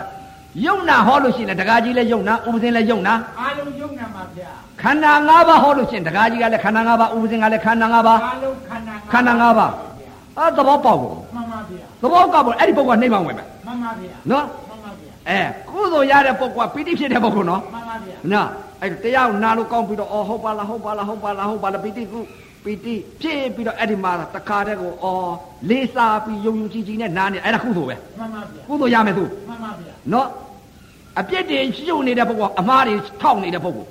မှန်ပါဗျာ အမှားနေတော့ဘာတွေလဲညာတွေလဲဆိုပြီးတခါတည်းဘာမှမဟုတ်ဘူးဆိုအဲ့ဒါသွားရအဝေးစီ မှန်ပါဗျာ နော်သူလည်းဘာမှသိတာမဟုတ်ဘူး မှန်ပါဗျာ အဲ့ဒါအဝေးစီပဲ မှန်ပါဗျာ အဲတရားနာရင်သုံးစားရှိတယ် မှန်ပါဗျာ အဲ့တော့တရားဓမ္မများအခုပြောမှာကတော့ဗာလဲတဲ့ဥပဇင်းဟာ20နဲ့တက်လာကျင့်လာတဲ့ဥစ္စာကရှေးလာခဲ့ မှန်ပါဗျာ တရားဓမ္မတွေတော့အခုတော့သမင်းဟင်းခူးခတ်ပြီးတော့ပွဲကြီးပြင်ပြီးတော့ထားတာထိုင်စားရုံပဲ မှန်ပါဗျာ နော် မှန်ပါ အဲ့တော့သဘောကိုဟောမှာကိုတရားကြီး မှန်ပါဗျာ အဲ့တော့သဘောပေါက်အောင်မနှောစိတ်နဲ့နာကြ မှန်ပါဗျာ နော်သဘောတရားပဲရှိတာကိုတရားကြီး မှန်ပါဗျာ ဟောမှာကယုံနဲ့နာ မှန်ပါဗျာ ယုံနဲ့နာကသဘောတရား မှန်ပါဗျာ ဒီသဘောတရားဟာဗာလဲတဲ့ဘုရားကဟောထားတဲ့သဘာဝလက္ခဏာ မှန်ပါဗျာ သဘာဝလက္ခဏာဆိုတာဓာတ်ပေါက်သွားလဲနိဗ္ဗာန်ဝင်တာပဲတခါကြီး ဝင်ပါရဲ့ အဲ့တော့တရားဓမ္မများသဘောပေါက်လွယ်အောင်အတိတ်ကဟောလိုက်တဲ့ဥစ္စာမရှိပညာ မှန်ပါ ဟောသွားတယ်တခါကြီး မှန်ပါဗျာ နော်အခုရှိတဲ့ပရမတ္ထသဘာဝတရားယုံနဲ့နာဟောတော့ပါတခါကြီး မှန်ပါဗျာ ယုံနဲ့နာဟောတော့အဲ့တော့ဥပဇင်းတို့ဟိုတုန်းကကျင့်လာတဲ့ဥစ္စာတွေကရှည်ခဲ့တယ် မှန်ပါဗျာ အခုဟာကတော့ငါအတိတ်ကကျင့်နေတဲ့ဟာတွေပေးနေလို့ရှရင်တရားဓမ္မတွေရှည်တော့မှာပဲ မှန်ပါဗျာ လန်တိုလေးကဝိပဿနာယာနိကသက်သက်ငါပေးလေမှပဲဆိုပြီးတော့ဝိပဿနာယာနိကသက်သက်ဖော်ကာအသိခိုင်း မှန်ပါဗျာ ရှည်မှာဆိုလို့တခါကြီး မှန်ပါဗျာ လန်တိုလေးကနေပြီးအလိုက်ခိုင်း မှန်ပါဗျာ ဝိပဿနာဆိုတော့ဖြတ်လန်း မှန်ပါဗျာ နော်လန်တိုလေး မှန်ပါဗျာ သမထယာနိကကလမ်းရှည်တယ် မှန်ပါဗျာ သမထယာနိကကဘာလဲတဲ့မော်တော်ကားကြီးတွေယထာကြီးတွေသင်္ဘောကြီးတွေဒါတွေစီးတာသမထယာနိက မှန်ပါဗျာ လမ်းရှည်ကိုတကကြီး မှန်ပါဗျာ ဝိပဿနာမဆိုင်လို့ဝိပဿနာမကူသေးလို့ရှိလို့ရှိရင်တကကြီးတကရင်မှိုင်းမုံနဲ့တွေ့ပြန်တာပဲတကကြီး မှန်ပါဗျာ နော် မှန်ပါဗျာ အဲ့တော့အခုဟာကတော့ကရင်မှိုင်းမုံနဲ့လွတ်အောင်ပါကိုဘာနဲ့ပို့တယ်လဲတဲ့ဝိပဿနာယာနိကသက်သက်သဘောလက္ခဏာကိုဖော်ကာတင်ပြီးတော့တခါတည်းအလင်းအမြန်ပို့တယ် မှန်ပါဗျာ အဲ့တော့ကဲတရားဓမ္မမြနီးပြီးလမ်းပြဟာအဲအလွယ်ဆုံးနီးဟာဖြင့်ဘယ်လိုလဲလို့ဆိုလို့ရှိရင်ဥပဇင်းတို့ဟိုတုန်းကရှုလာတာကဘယ်ဟာတွေရှုလာလဲဆိုတော့ဓာတ်ရှုလာတယ်တခါကြီး မှန်ပါဗျာ သဘောတရားဓာတ်တွေဘယ်လိုဓာတ်တွေလဲတဲ့ပညာတင်စားပြီးရှုလာခဲ့တယ် မှန်ပါဗျာ နော်တင်းနဲ့အဲဝါရောဓာတ်ရှုပြန်တော့လဲတွန်းနဲ့ကန်နဲ့တွန်းနဲ့ကန်နဲ့တွန်းနဲ့ကန်နဲ့တွန်းနဲ့ကန်နဲ့လက်ဆက်ကိုမတတ်တော့ဘူးတခါကြီး မှန်ပါဗျာ အမားတွေဖြစ်ခဲ့တာသိခဲ့တယ်တခါကြီး မှန်ပါဗျာ အမှားတွေပြစ်ခဲ့တာသိတော့အခုတော့ပုံကိုယ်တွေအလွယ်ဆုံးနဲ့ဝိပဿနာယာနိကတက်တက်ဖြတ်လန်းကနေပြီးတော့ရှေ့ကလူကြီးသူကြီးတွေမပြောဘူးလားတခါကြီးပြောတာဆိုတာကြမှာပေါ့ မှန်ပါဗျာ ဘုရားကအတိတ်တစ်လုံးအမြတ်ဆုံးဆိုတော့အဲအ အသိလေးတဲ့ဒီပဲသွားရမယ်ဆိုတဲ့ဥစ္စာဘုရားကြီး မှန်ပါဗျာ မြင်တာလည်းအသိကြားတာလည်းအသိနားတာလည်းအသိစားတာလည်းအသိထိတာလည်းအသိယိုတာလည်းအသိပေါက်တာလည်းအသိထိုင်တာလည်းအသိအိတ်လိုက်တာလည်းအသိလှူတဲ့အခါလည်းအသိအဲလူကြီးလူကြီးတွေပြောတာကဲလှူတဲ့အခါဆိုလို့ရှိရောဖြင့်ဘယ်လိုလှူမလဲဆိုတော့အနတ္တတင်လှူလိုက်ပေါ့ကွာဒီလိုပြောတယ်တခါကြီး မှန်ပါဗျာ အနတ္တအနတ္တနဲ့အနတ္တအနတ္တဆိုတာလူတိုင်းပါးစပ်ဖြာအနတ္တပြောတယ်တခါကြီး မှန်ပါဗျာ နော်အနတ္တဆိုတာဘာလုံးဆိုတော့ရုပ်နဲ့နာဟာအနတ္တ မှန်ပါဗျာ အနတ္တလားအနတ္တဆိုတာဖယားစကား မှန်ပါဗျာ နော်ဖယားစကားအနတ္တပြောလူတွေသိတာမဟုတ်ဘူးအနတ္တ မှန်ပါဗျာ သိတယ်ဆိုတာအလကားပြောတာ မှန်ပါဗျာ အနတ္တဆိုတာဥစ္စာဘာလဲဆိုသူ့သဘောပြောတာ မှန်ပါဗျာ သူ့သဘော ဒီသဘောပါ သူ့သဘောဆိုတာအနတ္တသူ့သဘောကဘာလဲလာလိမ့်ဦးမဲတခါကြီး မှန်ပါဗျာ နော်သူသဘောကဘာလဲရုပ်ဤသဘောကဘာလဲနာဤသဘောကဘာလဲဒီသဘောလာရလိမ့်ဦးမဲတကကြီး မှန်ပါဗျာ အဲ့ဒီသဘောလာပြီဆိုရင်သိလိမ့်မဲတကကြီး မှန်ပါဗျာ ရုပ်ဤသဘောနာဤသဘောကိုအနတ္တလို့လူတိုင်းပါးစပ်ဖြားလိမ့်တယ်ပြောလိပြောတာရှိတယ်တကကြီး မှန်ပါဗျာ အဲ့ဒီတော့အနတ္တအနတ္တလူတိုင်းအနတ္တသိတယ်ခလေးလေးကလည်းအနတ္တဒကာကြီးတွေကလည်းအနတ္တဒကမာကြီးတွေကလည်းအနတ္တသီလရှင်တွေကလည်းအနတ္တအနတ္တလူတိုင်းသိတယ် မှန်ပါဗျာ နော်ပါးစပ်ဖြားလိမ့်အနတ္တ မှန်ပါဗျာ အနတ္တသိသလားတကယ်သိသလားပြစ္ဆုတ်ပါအနတ္တကဘယ်လိုသိတာလို့ဘယ်လိုမြင်နေတာတော့အနတ္တဆိုဒီလိုမေးလိုက်ရင်မသိဘူး မှန်ပါဗျာ အဲ့ဒီတော့ဘုရားကဟောထားတယ်အတိတ်နဲ့အနာကပြစ္ဆုတ်ပါကာလသုံးပါ မှန်ပါ အတိတ်ကိုလည်းမတွေးနဲ့မရောက်သေးတော့အနာကသိတယ်မညှော်နဲ့ပြစ္ဆုတ်ပါပေါ်လာတဲ့ယုံနာကိုသဘောကိုသိဆိုတာအနတ္တမြင်အောင်ကြည့်ခိုင်းတာတကကြီး မှန်ပါဘုဗျာရားလို့ပြောခေါ်တော့သမုတ်လိုက်တာကအနတ္တ မှန်ပါဗျာ မြင်ရမှာကသဘော မှန်ပါသဗျာဘောဆိုတာပရမတ္ထသဘာဝသဘော မှန်ပါဗျာ ယုတ်ဤပရမတ်နာဤပရမတ်ပရမတ်ထသဘာဝသဘောတရားယုတ်ဤသဘောတရားကဘယ်လိုလဲသဘာဝလက္ခဏာနာဤသဘာဝလက္ခဏာဘယ်လိုလဲဆိုသဘောတရားလေးပြောတာတကယ်ကြီး မှန်ပါဗျာ အဲ့ဒီတော့တချို့ပြောလိပြောတာရှိတယ်ဥပဇင်းတို့လည်းပဲတကယ်ကြီးကကိုတုံးကဥပဇင်းကလည်းအာဟုတော်တော်မှားခဲ့တယ်တကယ်ကြီး မှန်ပါဗျာ ဘယ်လိုအာဟုမှားခဲ့လဲဆိုတော့ကိုတုံးကဥပဇင်းကလည်းဒီမဲ့လှူရတာတွေလည်းနိဗ္ဗာန်ဖြစ်စရောခဲ့တယ်တကယ်ကြီး မှန်ပါဗျာ လှူခဲ့တာတဲ့ဟိုတုန်းကလှူခဲ့တဲ့ဥစ္စာတွေတို့ဥပဇင်းတို့အာနိသင်ဆရာကနေပြီးတော့ဥပဇင်းကဟိုတုန်းကတော်တော်လေးလှူခဲ့တယ်တခါကြီး မှန်ပါ လှူခဲ့တော့ဘယ်လိုလှူရမလဲဘုရားဥပဇင်းကထိတ်တစ်ခုတစ်ယောက်ထက်ခင်းတာဟုတ်တယ် မှန်ပါ တပည့်တော်ဘယ်လိုလောက်ရမှာလဲဘုရားဟာတကားတဲ့နိဗ္ဗာန်ပစ္စည်းဟောတူဟောဟာကိုကသိမှမသိပဲကိုတခါကြီး မှန်မပါဗျာသိတော့အဲ့တော့နိဗ္ဗာန်ပစ္စည်းဆိုတဲ့အစွန်းနှပါမလွတ်ဘူးအခုတော့သိတော့တခါကြီး မှနိန်ပါဗျာဗ္ဗာန်ပစ္စည်းဆိုတော့နိဗ္ဗာန်အာယုံပြုတ်လှူတဲ့အလှူတခါကြီး မှန်ပါဗျာ နိဗ္ဗာန်ရဆိုတာနိဗ္ဗာန်ပညာကြီးတခါကြီး မှန်ပါမဗျာမြင်လည်းမမြင်ရဘဲနဲ့အာယုံပြုတ်ပြီးတော့လှူလိုက်တာနိဗ္ဗာန်ပစ္စည်းဟောတုဆိုတဲ့ဥစ္စာနိဗ္ဗာန်ကိုအာယုံပြုတ်လှူတဲ့အလိုဟာတဏှာလွတ်လို့လား မလွတ်ပါ ဒိဋ္ဌိရော ဘူးမလွတ်ပါဘူး ဒိဋ္ဌိနဲ့တဏှာမဖြစ်ဘူးလား ဖြစ်ပါတယ် အဲဒိဋ္ဌိနဲ့တဏှာကြီးဖြစ်နေတဲ့ဥစ္စာနိဗ္ဗာန်ပစ္စည်းဟောသန္တရာလာဇန်တရက်တကဥပဇင်းတို့ဟာဖြင့်နိဗ္ဗာန်ပစ္စည်းဟောတုရဲ့တဲ့တကကြီး မှန်ပါဗျာ အခုလည်းနိဗ္ဗာန်ပစ္စည်းဟောတုတော့ မှန်ပါဗျာ အခုနိဗ္ဗာန်ပစ္စည်းဟောတုသေးလို့ရှိရင်အနာဂတ်ရောတကကြီး မှန်ပါဟောတူပါပါပဲ အဲနိဗ္ဗာန်ပစ္စည်းဟောတုမှာဘယ်တော့မှနိဗ္ဗာန်ပစ္စည်းဟောတုလွတ်မှာမဟုတ်ဘူးတဏှာဒိဋ္ဌိတဏှာဒိဋ္ဌိတဏှာဒိဋ္ဌိဒိဋ္ဌိနဲ့တဏှာဖြစ်နေတာပဲ မှန်ပါဗျာ ဥပဇင်းကတော့တဲ့တဲ့ကြီးထိုးတာပဲ မှန်ပါဗျာ ဥပဒေအနုဟိုတုန်းကဆရာအာနိသင်ကပြောတာကိုတခါကြီး မှန်ပါဗျာ အခုတော့သိလာတော့စိတ်တွေသိလာတော့ဟောဒိဋ္ဌိနဲ့တဏှာမလွတ်ပါလားနိဗ္ဗာန်ကိုငါအာယုပြုတ်လိုက်တာအယူမှားနေပါလားအယူမှားအမှားမှားဒိဋ္ဌိပါလားနိဗ္ဗာန်ကိုလိုချင်တဲ့တဏှာဖြစ်နေပါလားဒိဋ္ဌိနဲ့တဏှာပါလားဆိုတော့အစွန်းနှစ်ပါးမလွတ်ဘူးဆိုတာသိတယ်တခါကြီး လိုချင်တာလောဘကို လောဘကိုနော်ဒိဋ္ဌိနဲ့တဏှာမဖြစ်ဘူးလား မှန်ပါဗျာ အဲ့ဒီအစွန်းနှစ်ပါးမလွတ်တဲ့နိဗ္ဗာန်ပစ္စည်းရောခဲ့တယ်တခါ မှန် ကြီး ပါဗျာ အဲအမှားတွေကိုသိခဲ့တယ်တခါကြီး မှန်ပါဗျာ အဲ့ဒါကြောင့်မလို့အခုလာရောက်တဲ့ဒကာဓမ္မတွေလဲနိဗ္ဗာန်ပစ္စည်းဟောတုမှာဆိုလို့ မှန်ပါဗျာ နော်အဲ့တော့လူတိုင်းပါသက်ပြမှာလူကြီးတွေသူကြီးတွေပြောတယ်အနတ္တတင်းလှူလိုက်ပေါ့တယ်အနတ္တတင်းလှူတာအနတ္တယုံနဲ့နာဟာဘာလဲတဲ့သဘောတရားလေး မှန်သပါဗျာဘောကဘယ်လိုလဲတဲ့ အစ္ဆတသဏ္ဏမဟာဘုတ်ဓာတ်ကြီးလေးပါရှိတယ်တခါကြီး မှန်ပါဗျာ ဒီဓာတ်ကြီးလေးပါကလည်းပဲတဲ့ပထဝီဓာတ်ဤသဘောတရားဟာတင်းလိုက်တောင်းလာလိုက်နူးညံ့လာလိုက်မာလာလိုက်ကျင်လာလိုက်အောင်လာလိုက်ကြိုက်လာလိုက်ဒါပထဝီဓာတ်ဤသဘောတည်း မှန်ပါဗျာ အာဘောဓာတ်ဤသဘောတရားကကြက်တဲ့လာလိုက်ချွေးဒီယိုကြလာလိုက် မှန်ပါဗျာ တေဇောဓာတ်ဤသဘောကပူလာလိုက်ဤလာလိုက်ဝါယောဓာတ်ဤသဘောကတွန်းလာလိုက်ကန်လာလိုက်မူလာလိုက်ရိမ့်ရန်လာလိုက် မှန်ပါဗျာ ဒါတွေက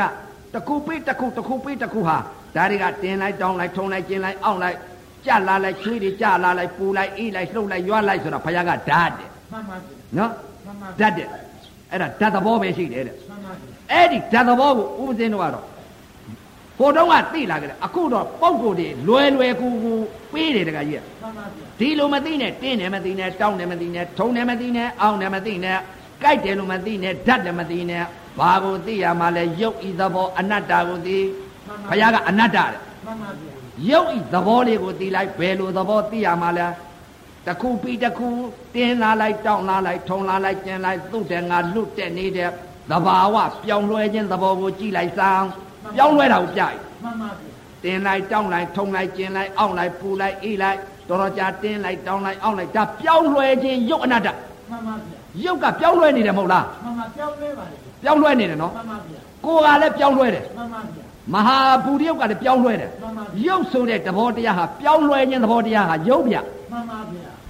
ဝေဒနာတွေကနာမ်ပြ မှန်ပါဗျာ အခုတော့ဝေဒနာတွေပူတာတွေကြိုက်တာတွေထုံတာတွေဝေဒနာတွေကိုအဲ့ဒါရုပ်ခေါ်တယ် မှန်ပါဗျာ ရုပ်ဆိုတာပြောင်းလွှဲခြင်းသဘောတရားဟာရုပ်ဤသဘာဝလက္ခဏာ မှန်ပါဗျာ ဝေဒနာဟာနာမ်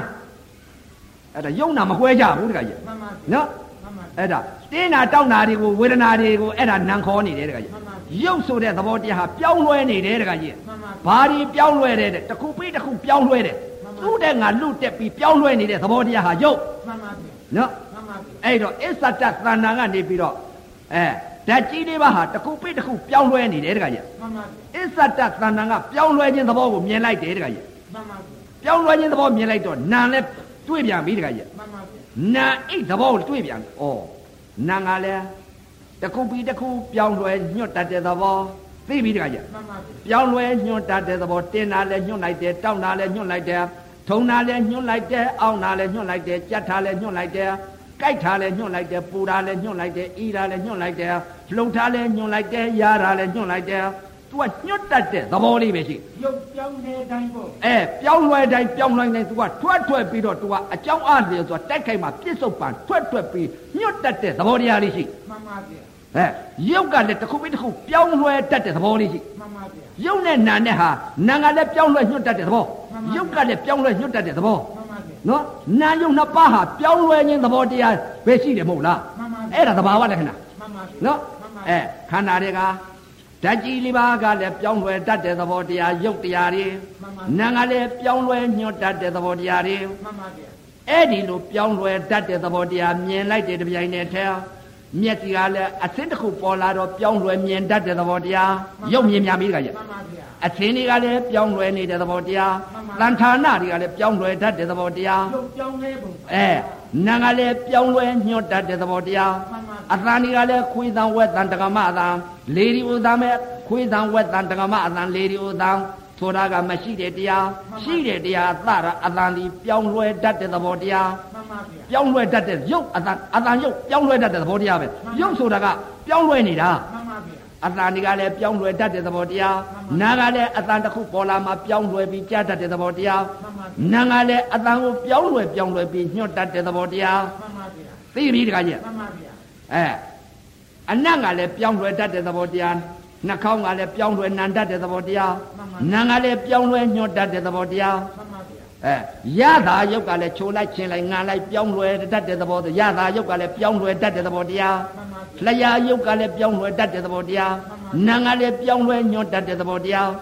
မှန်ပါကိုယ်ကလဗျာည်းတင်းလိုက်တောင်းလိုက်ထုံလိုက်ကျင်လိုက်ပြောင်းလဲတတ်တဲ့သဘောတရား မှန်ပါဗျာ အတွေ့ကလည်းပြောင်းလဲတတ်တဲ့သဘောတရား မှန်ပါဗျာ နာကလည်းပြောင်းလဲညွတ်တတ်တဲ့သဘောတရား မှန်ပါဓမ္မကဗျလည်းကောင်းတယ်မကောင်းတယ်လို့ပြောင်းလဲတတ်တဲ့သဘောတရား ာမှန်မပါဗျာနောကလည်းပြောင်းလဲတတ်တဲ့သဘောတရား မှန်ပါဓမ္မဗျာကလည်းပြောင်းလဲမနောကလည်းပြောင်းလဲ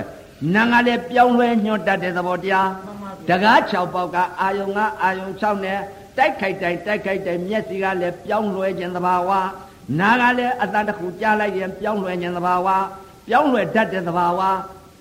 အနတ်ကလည်းအနတ်နဲ့နှာခေါင်းနဲ့ထိမှန်လိုက်တဲ့အချိန်ကပြောင်းလွယ်တတ်တဲ့သဘာဝ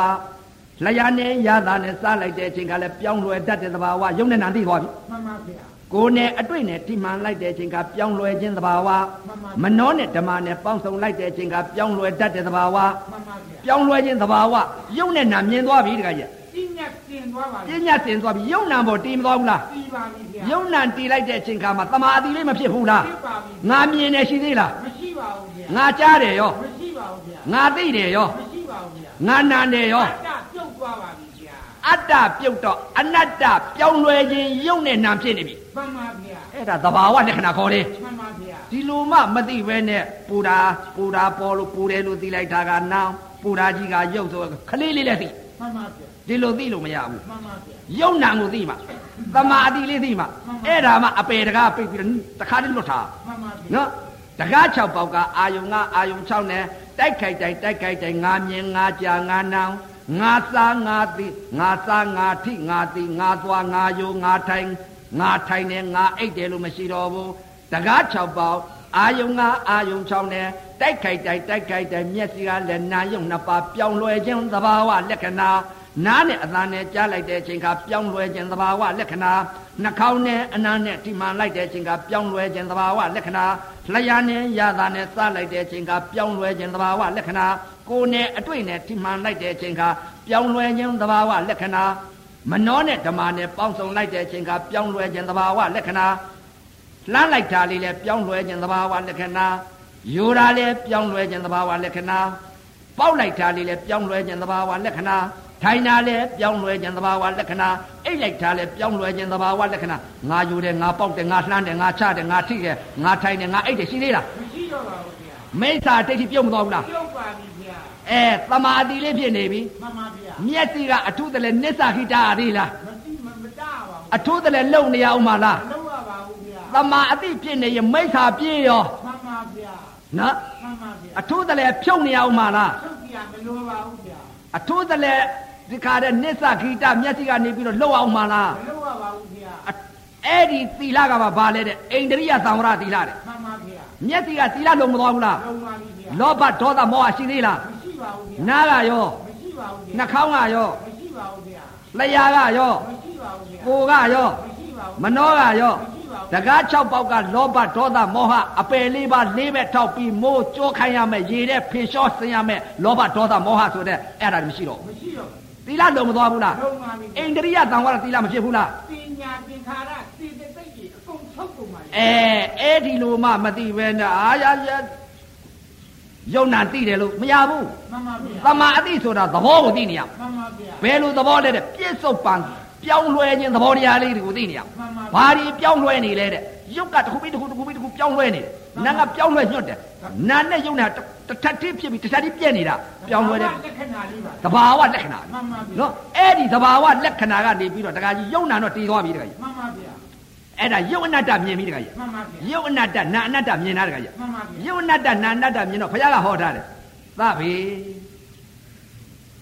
ဓမ္မာအနတ္တတဲ့ မှန်ပါဗျာ သဗ္ဗေဓမ္မာအနတ္တတဲ့ မှန်ပါဗျာ အဲ့ဒါနိဗ္ဗာန်မဟုတ်ဘူး ဟုတ်ပြီပါ အပယ်သာလွတ်တာ မှန်ပါဗျာ နိဗ္ဗာန်မတော့မဟုတ် အ ဘူး ပယ်တော့လွတ်ပါ အပယ်လွတ်ပြီ အတ္တပြုတ်လို့ အတ္တပြုတ် ရောက်ပါပြီ အဲအတ္တပြုတ်လို့အနတ္တရောက်တာ မှန်ပါဗျာ အဲ့ဒါအခုတစ်ချို့ကအနတ္တပြောင်းလဲနေတဲ့သဘောတရားအနတ္တနိဗ္ဗာန်ကြီးပြောနေတယ်တခါကြီး ဟုတ်ပြီပါ နိဗ္ဗာန်အနတ္တကြီးပြောနေတယ်တခါ မှ ကြီး န်ပါဗျာ အဲနိဗ္ဗာန်လည်းမရောက်ဘူးပဲနဲ့ မှန်ပါဗျာ ရောက်ဖို့တဲ့လူကပြောတော့လေသိမှာမဟုတ်ဘဲနဲ့ မှန်ပါဗျာ နော် သိပါဦး အဲသာဘိဓမ္မာအနတ္တလို့ဆိုတဲ့ မှန်ပါ ဓ ဗျာ မ္မာကတတ္တာတခါကြီး မှန်ပါဗျာ ဓမ္မကတတ္တာ မှန်ပါဗျာ နော် မှန်ပါဗျာ အဲအခုလောကကြီးကဒီမဲ့တတ္တာတခါကြီး မှန်ပါဗျာ ဒီအနတ္တကပြောင်းလဲတယ် မှန်ပါဗျာ ဟိုအနတ္တကပြောင်းလဲတာမဟုတ်ဘူး မဟုတ်ပါဘူးဗျာ အဲဟိုဓမ္မကတတ္တာ မှန်ပါဗျာ ဒီယုံနဲ့ဒီနာကတတ္တာ မှန်ပါဗျာ အဲ့ဒီတော့တခါကြီးသာဘိဓမ္မာအနတ္တဆိုတာနိဗ္ဗာန်မှာပါ မပါပါဘူးဗျာ အဲ့ဒီတော့နိဗ္ဗာန်ပါအောင်လုပ်ရလေဦးမယ် မှန်ပါဗျာ အဲ့ဒီတော့သဗ္ဗေဓမ္မအနတ္တဆိုတာမျက်စိကလည်းပြောင်းလဲခြင်းသဘာဝတရား မှန်ပါဗျာ နော်သဗ္ဗေဓမ္မဖြစ်နေပြီ မှန်ပါဗျာ နော်သူသဘောသူသဘောသူသဘောပြောင်းလဲခြင်းသဘောပြောင်းလဲခြင်းသဘာဝတရားပြောင်းလဲခြင်းသဘာဝတရားပြောင်းလဲနေတတ်တဲ့သဘာဝတရားအကုန်လုံးတစ်လောကလုံးပြောင်းလဲတတ်တဲ့သဘာဝတရားဒါတစ်ခုတည်းဖြစ်နေ မှန်ပါဗျာ ဖြစ်နေတော့ကဲအနတ္တတော့မြင်တယ်ယုံနာပေါ်မှာစိတ်ကလေးတည်သွားပြီတခါကြီး မှန်ပါဗျာ ကဲဖြစ်တာပြက်တာရှိသေးလား မရှိပါဘူးဗျာ အတိတ်ကလည်းဖြစ်ခဲ့တယ်အခုအခုလည်းဖြစ်ပြက်ပဲဖြစ်တာဖြစ်တာဖြစ်တာဖြစ်တာဖြစ်တာဖြစ်တာအဖြစ်ပြက်နေသေးလို့ရှရင်တော့ကြာလည်းဖြစ်ပြီးပြက်အောင်ပါပဲ မှန်ပါဗျာ အဲလောကကြီးမှာဖြစ်ပျက်တွေကများတယ်တခါကြီး မှန်ပါဗျာ နော် မှန်ပါ ဘုရားဗျာကတော့သဗ္ဗေဓမ္မအနတ္တလို့ပြောတယ်တခါကြီးမှန်ပါဗျာ ဖြစ်တာပြက်တာအခုတခါကြီးယုံနာတိတ်သွားပြီတခါကြီး မှန်ပါဗျာ ဥပဒေနဲ့အတိတ်ကဖြစ်ပျက်ရှုလို့ကြာခဲ့တာ မှန်ပါဗျာ 20လကြာခဲ့တာ မှန်ပါဗျာ အခုပုံကိုယ်တွေဖြစ်ပျက်ကုန်မပေးဘူး မှန်ပါဗျာ သန္တရာလာသံပြက်တခါဖြစ်တာပြက်တာဖြစ်တာပြက်တာဖြစ်ပျက်ပေးနေလို့တော့ကြာဖြစ်ပျက်နေအောင်ပါ မှန်ပါဗျာ အခုဖြစ်ပျက်မပေးဘူးတခါကြီးယုံနဲ့နာသဘာဝလက္ခဏာကိုအနသဘောကိုပေးတယ် မှန်ပါဗျာ အဲ့ဒီတော့သဘောမြင်ပြီတခါကြီး မှန်ပါဗျာ သဗ္ဗေဓမ္မအနတ္တဆိုတော့ နိဗ္ဗာန်မဟုတ်သေးဘူးတခါကြီး မဟုတ်ပြီပါဘူး ယုံနာပေါ်မှာတည်ပြီးတခါကြီး ပြီးပါပြီဗျာ ယုံနဲ့နာတော့ဖြစ်ပြက်နဲ့ဆုံးသွားပြီတခါကြီး မှန်ပါဗျာ ယုံနဲ့နာပေါ်မှာတည်ပြဘုရားကဖြစ်ပြက်နဲ့ဆုံးရမယ်ယုံနာနဲ့လွတ်ရမယ်ခန္ဓာ၅ပါးနဲ့လွတ်ရမယ်တဲ့ မှန်ပါဗျာ နော်ခန္ဓာ၅ပါးနဲ့လွတ်ရမယ်တဲ့ဒုက္ခဒုက္ခနဲ့လွတ်ရမယ် မှန်ပါဗျာ နော်အဲ့တော့ကဲဒုက္ခဒုက္ခလွတ်ရအောင်ခန္ဓာ၅ပါးလွတ်ရအောင်ယုံနာလွတ်ရအောင်ရှုကြဆိုရတကကြီး မှန်ပါဗျာ ကဲအခုပြစ္ဆုတ်ပံယုံနဲ့နာပေါ်မှာတော့တီးနေပြီတကကြီး မှန်ပါဗျာ ယုံအနတ္တနာအနတ္တယုံသဘောနာသဘောမြင်နေပြီတက မှ ကြီး န်ပါဗျာ ကဲယုံနဲ့နာနဲ့ကဲကူးကြဆိုရ မှန်ပါဗျာ ဩယုံနဲ့အနတ္တပြောင်းလဲခြင်းသဘောတရားဟာယုံနဲ့နာမျက်စိနဲ့မြင်လိုက်တဲ့အချိန်ကဒီဝေဒနာပေါ်ကကြီးသွားတာတကကြီး မှန်ပါဗျာ ။အော်ဓာတ်ကြီးလေးပါပေါ်ကလည်းအစ္စတ္တသဏ္ဍာမဟာဘုတ်ဓာတ်ကြီးလေးပြောင်းလဲတဲ့သဘောတရား။နာကလည်းပြောင်းလဲရုပ်ကလည်းပြောင်းလဲနာယုံနှစ်ပါးတတတိဖြစ်နေတာကပါလေဝေဒနဲ့ခန္ဓာဆိုခန္ဓာပြောင်းလဲ မှန်ပါဗျာ ။ယုံနာတော့မပေါ်ဘူးလား လွတ်ပါပြီ ။စိတ်ကလေးစိတ်ကလေး မှန်ပါဗျာ ဒီဝေဒနာပေါ်ကနော် မှန်ပါ ခ ဗျာ န္ဓာပြောင်းသွားတယ် မှန်ပါဗျာ ခန္ဓာပြောင်းသွားပြီ။အော်နာယုံနှစ်ပါးတတတိဖြစ်နေတာခံစားမှုသဘောဝေဒနဲ့ခန္ဓာ မှန်ပါဗျာ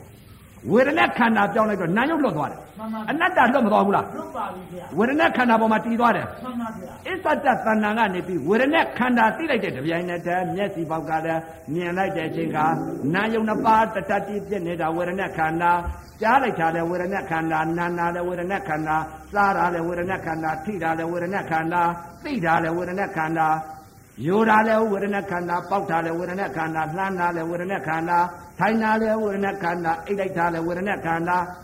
ဝေဒနဲ့ခန္ဓာပြည့်သွားတယ် စလုံးနဲ့ တစ်လုံးနဲ့ မှန်ပါဗျာ ဝေဒနဲ့ခန္ဓာတော့ရှိဝေဒနဲ့ခန္ဓာမလွတ်သေးဘူးတခါကြီး မှန်ပါဗျာ ဝေဒနာခန္ဓာကနေပြောင်းမယ် မှန်ပါဗျာ ။အော်ဝေဒနာခန္ဓာတော့တီးသွားပြီလေခန္ဓာ၅ပါးပေါ်မှာတီးနေပြီ မှန်ပါဗျာ ။နော်ခန္ဓာ၅ပါးပေါ်မှာတီးတော့အော်ဝေဒနာခန္ဓာဒီဝေဒနာဒီနာမလားဝေဒနာနာမသိသွားပြီတခါကြီး မှန်ပါဗျာ ဝေဒနာဒီနာမလားနာအိသဘောဟာသူ့သဘောဘာလို့တတ်တယ်လဲလို့ကြည့်တယ်တခါကြီး မှန်ပါဗျာ အော်ဒုက္ခနဲ့ဒုက္ခခံစားနေပါလား မှန်ပါ ဒုက္ခဒုက္ခမြင်ပြီတခါကြီး မှန်ပါဗျာ မျက်စိပေါက်ကตาရမျက်သက်တဲ့အစဉ်ဒီမြင်လိုက်ရင်ဒုက္ခမตาရသာခံသိလိုက်ပြီဆိုဒုက္ခဓာတ်ကြီးတွေပါကိုပေါ်လာလဲဒုက္ခနုညံ့တဲ့အတွေ့လေးခံစားလိုက်ရင်ဒုက္ခအောနန္တရားဟာဖြင့်ဒုက္ခနဲ့ဒုက္ခခံစားနေပါလားဒုက္ခဒုက္ခဒုက္ခဆိုရုံချင်းဖြင့်ဒုက္ခသိလိုက်ပြီဆိုလို့ရှိရင်ဒေါသဖြစ်လိမ့်မယ်အဲဒုက္ခဆိုလို့ရှိရင်ຢာကဖြစ်လိမ့်မယ်ဒုက္ခလည်းမရှိဒုက္ခလည်းမရှိပြစ္ဆုတ်ပန်စိတ်ကလေးဘာရှိတယ်လဲပြစ္ဆုတ်ပန်စိတ်ကလေးရှိတယ်တကယ် မှန်ပါပြဗျာစ္ဆုတ်ပံစိတ်ကလေးကြည့်တော့ရှိတာကပြစ္ဆုတ်ပံရုပ်ဝေဒနာနာအိတ်လက္ခဏာတာမြင်ညလက္ခဏာတွေကခံစားတဲ့သဘောတရားတွေ သိနေတဲ့ဉာဏ်နဲ့ အဲ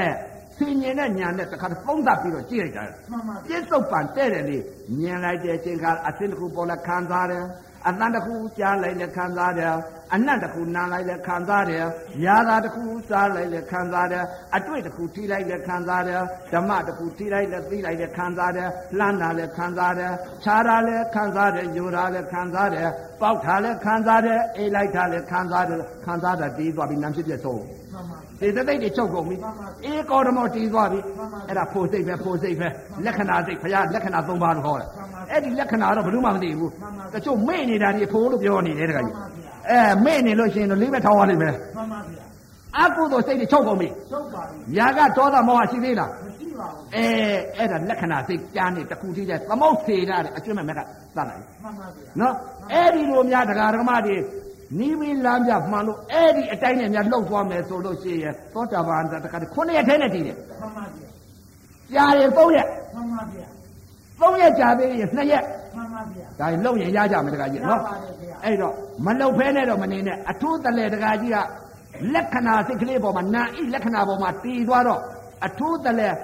အိန္ဒြိယသံဝရသီလလုံးသွားဘူးလား လုံပါပြီဗျာ အဋိသီလတဲ့အဋိစိတ်ကအဋိပညာတဲ့ မှန်ပါဗျာ အဋိသီလဆိုတဲ့ဥစ္စာပါလေအိန္ဒြိယသံဝရသီလ မှန်ပါဗျာ အထိုးတလည်းမလုပ်ရဘူးနော် မှန်ပါဗျာ အတိစိတ်တဆိုတာပါစိတ်ကလေးကမပြောင်းမလွှဲတော့ဘူးတခါကြီး မှန်ပါဗျာ နာအိတ်လက္ခဏာပြစ္ဆုတ်ပံစိတ်ကလေးကတစ်ခုထိတဲ့အေကောဓမော မှန်ပါဗျာ မျက်စိကလည်းအစဉ်တစ်ခုပေါ်လာလည်းခံစားတယ်အတန်းကြားလိုက်လည်းခံစားတယ်အနတ်နာလိုက်လည်းခံစားတယ်ရတာစားလိုက်လည်းခံစားတယ်အတွေ့အထိလိုက်လည်းခံစားတယ်ဓမ္မသိလိုက်လည်းခံစားတယ်ခံစားတဲ့သဘောလေးကမပြောင်းတော့ဘူး မှန်ပါဗျာ အဲ့ဒါဧကကရာစိတ်ခေါ်တယ် မှန်ပါဗျာ အဲ့ဒီစိတ်ကလေးတစ်ခုလည်းဖြစ်နေတော့ပြောင်းလွှဲခြင်းသဘောတရားမဖြစ်တော့ဘူး မဖြစ်တော့ပါဘူး နော်မဖြစ်တော့ဘူးအဲ့ဒါပါလဲတဲ့ အဲအထိသီလအထိစိတ်ဓာတ်ခေါ်တယ် မှန်ပါဗျာ အထိပညာဆိုတော့အော်မျက်တိပေါက်ကနေပြီးခွေးမဖြစ်ဘူးဝက်မဖြစ်ဘူးရေတဲ့ငါဖေလျှော့မသိရဘူးမျက်တိပေါက်ကလည်းအဲလောဘဒေါသမောဟဆိုတဲ့အပယ်လေးပါကြာရောက်မဲ့အကုသိုလ်စိတ်တွေငါချုပ်သွားပြီဆိုတာအပယ်လွတ်ပြီဆိုတာသိတာ မှန်ပါဗျာ နော် မှန်ပါဗျာ အဲ့ဒါပါလဲတဲ့အထိသီလအထိစိတ်ဓာတ်အထိပညာလို့ခေါ်တယ် သိခါတော့ရပြီတော့ပါ သိသွားတယ်နော်မျက်စိကလည်းသီလသာသနာသမာဓိသာသနာပညာသာသနာ မှန်ပါဗျာ သာသနာသုံးရတည်မသွားဘူးလား ပြီးပါပြီဗျာ နားနဲ့အသာနဲ့ကြားလိုက်တဲ့အချိန်ကအသာဤနားနဲ့ထိမှန်လိုက်တဲ့အချိန်အသာပေါ်မှာသီလသာသနာရဲ့သမာဓိသာသနာရဲ့ပညာသာသနာရဲ့နှာခေါင်းနဲ့အနာနဲ့ထိမှန်လိုက်တဲ့အချိန်ကအနာရုပ်ပေါ်မှာသီလသာသနာရဲ့သမာဓိသာသနာရဲ့ပညာသာသနာရဲ့လျှာနဲ့ရာသာနဲ့စားလိုက်တဲ့အချိန်ကရသာဤရုပ်ပေါ်မှာသီလသာသနာသမာဓိသာသနာပညာသာသနာ ကိုယ်နဲ့အတွေ့နဲ့ထိမှန်လိုက်တဲ့အချိန်ကအတွေ့ရုပ်ပေါ်မှာသီလသာသနာသမာဓိသာသနာပညာသာသနာမနောနဲ့ဓမ္မနဲ့ပေါင်းစုံလိုက်တဲ့အချိန်ကဓမ္မဤရုပ်ပေါ်မှာသီလသာသနာရဲ့သမာဓိသာသနာပညာသာသနာသာသနာသုံးရသီးတယ်ဆိုတာအဲ့ဒါ မှန်ပါဗျာ နော်သီလသာသနာသမာဓိသာသနာပညာသာသနာအရိယာမတည်တာ မှန်ပါဗျာ အဲ့ဒီတော့ကျိုးဝင်လဲသုံးပါပြီဗျအဲ့ဒီတော့နေ့ပြင်လာကြမှာသိသိချာချာစောစောလာကြနေ့ပြင်လာကြတာမှာသိသိချာသဘောပေါက်အောင်ဟောပါမယ်လို့အဲအခုဒကာရမတွေ အဘိဓမ္မာတရားတော်များကြီးသစ္စာလေးပါးတရားတော်များကြီးဟောကြားဆုံးမဩဝါဒပေးရတဲ့အကျိုးအာနိသင်ကြောင့်အခုလာရောက်တဲ့တရားဓမ္မတွေမနုဿတ္တဒုံလဘရာဂေသောတရားလူရဲလို့ဖြစ်တဲ့ခြင်းခါမြတ်စွာဘုရားသာသနာတော်ကြီးနဲ့မိတဲ့ခြင်းခါဓမ္မယရနာတွေနဲ့ပွင့်လင်းတဲ့ခြင်းခါသုံးဦးသုံးပလဲမိတဲ့ခြင်းခါတရား6ပေါက်ကအာယုံကအာယုံ6နဲ့ တိုက်ခိုက်တိုက်တိုက်ခိုက်တိုက်သီလသာသနာသမာဓိသာသနာပညာသာသနာသာသနာသုံးရာတည်နိုင်ကြပါစေကုန်သောသတည်းသာ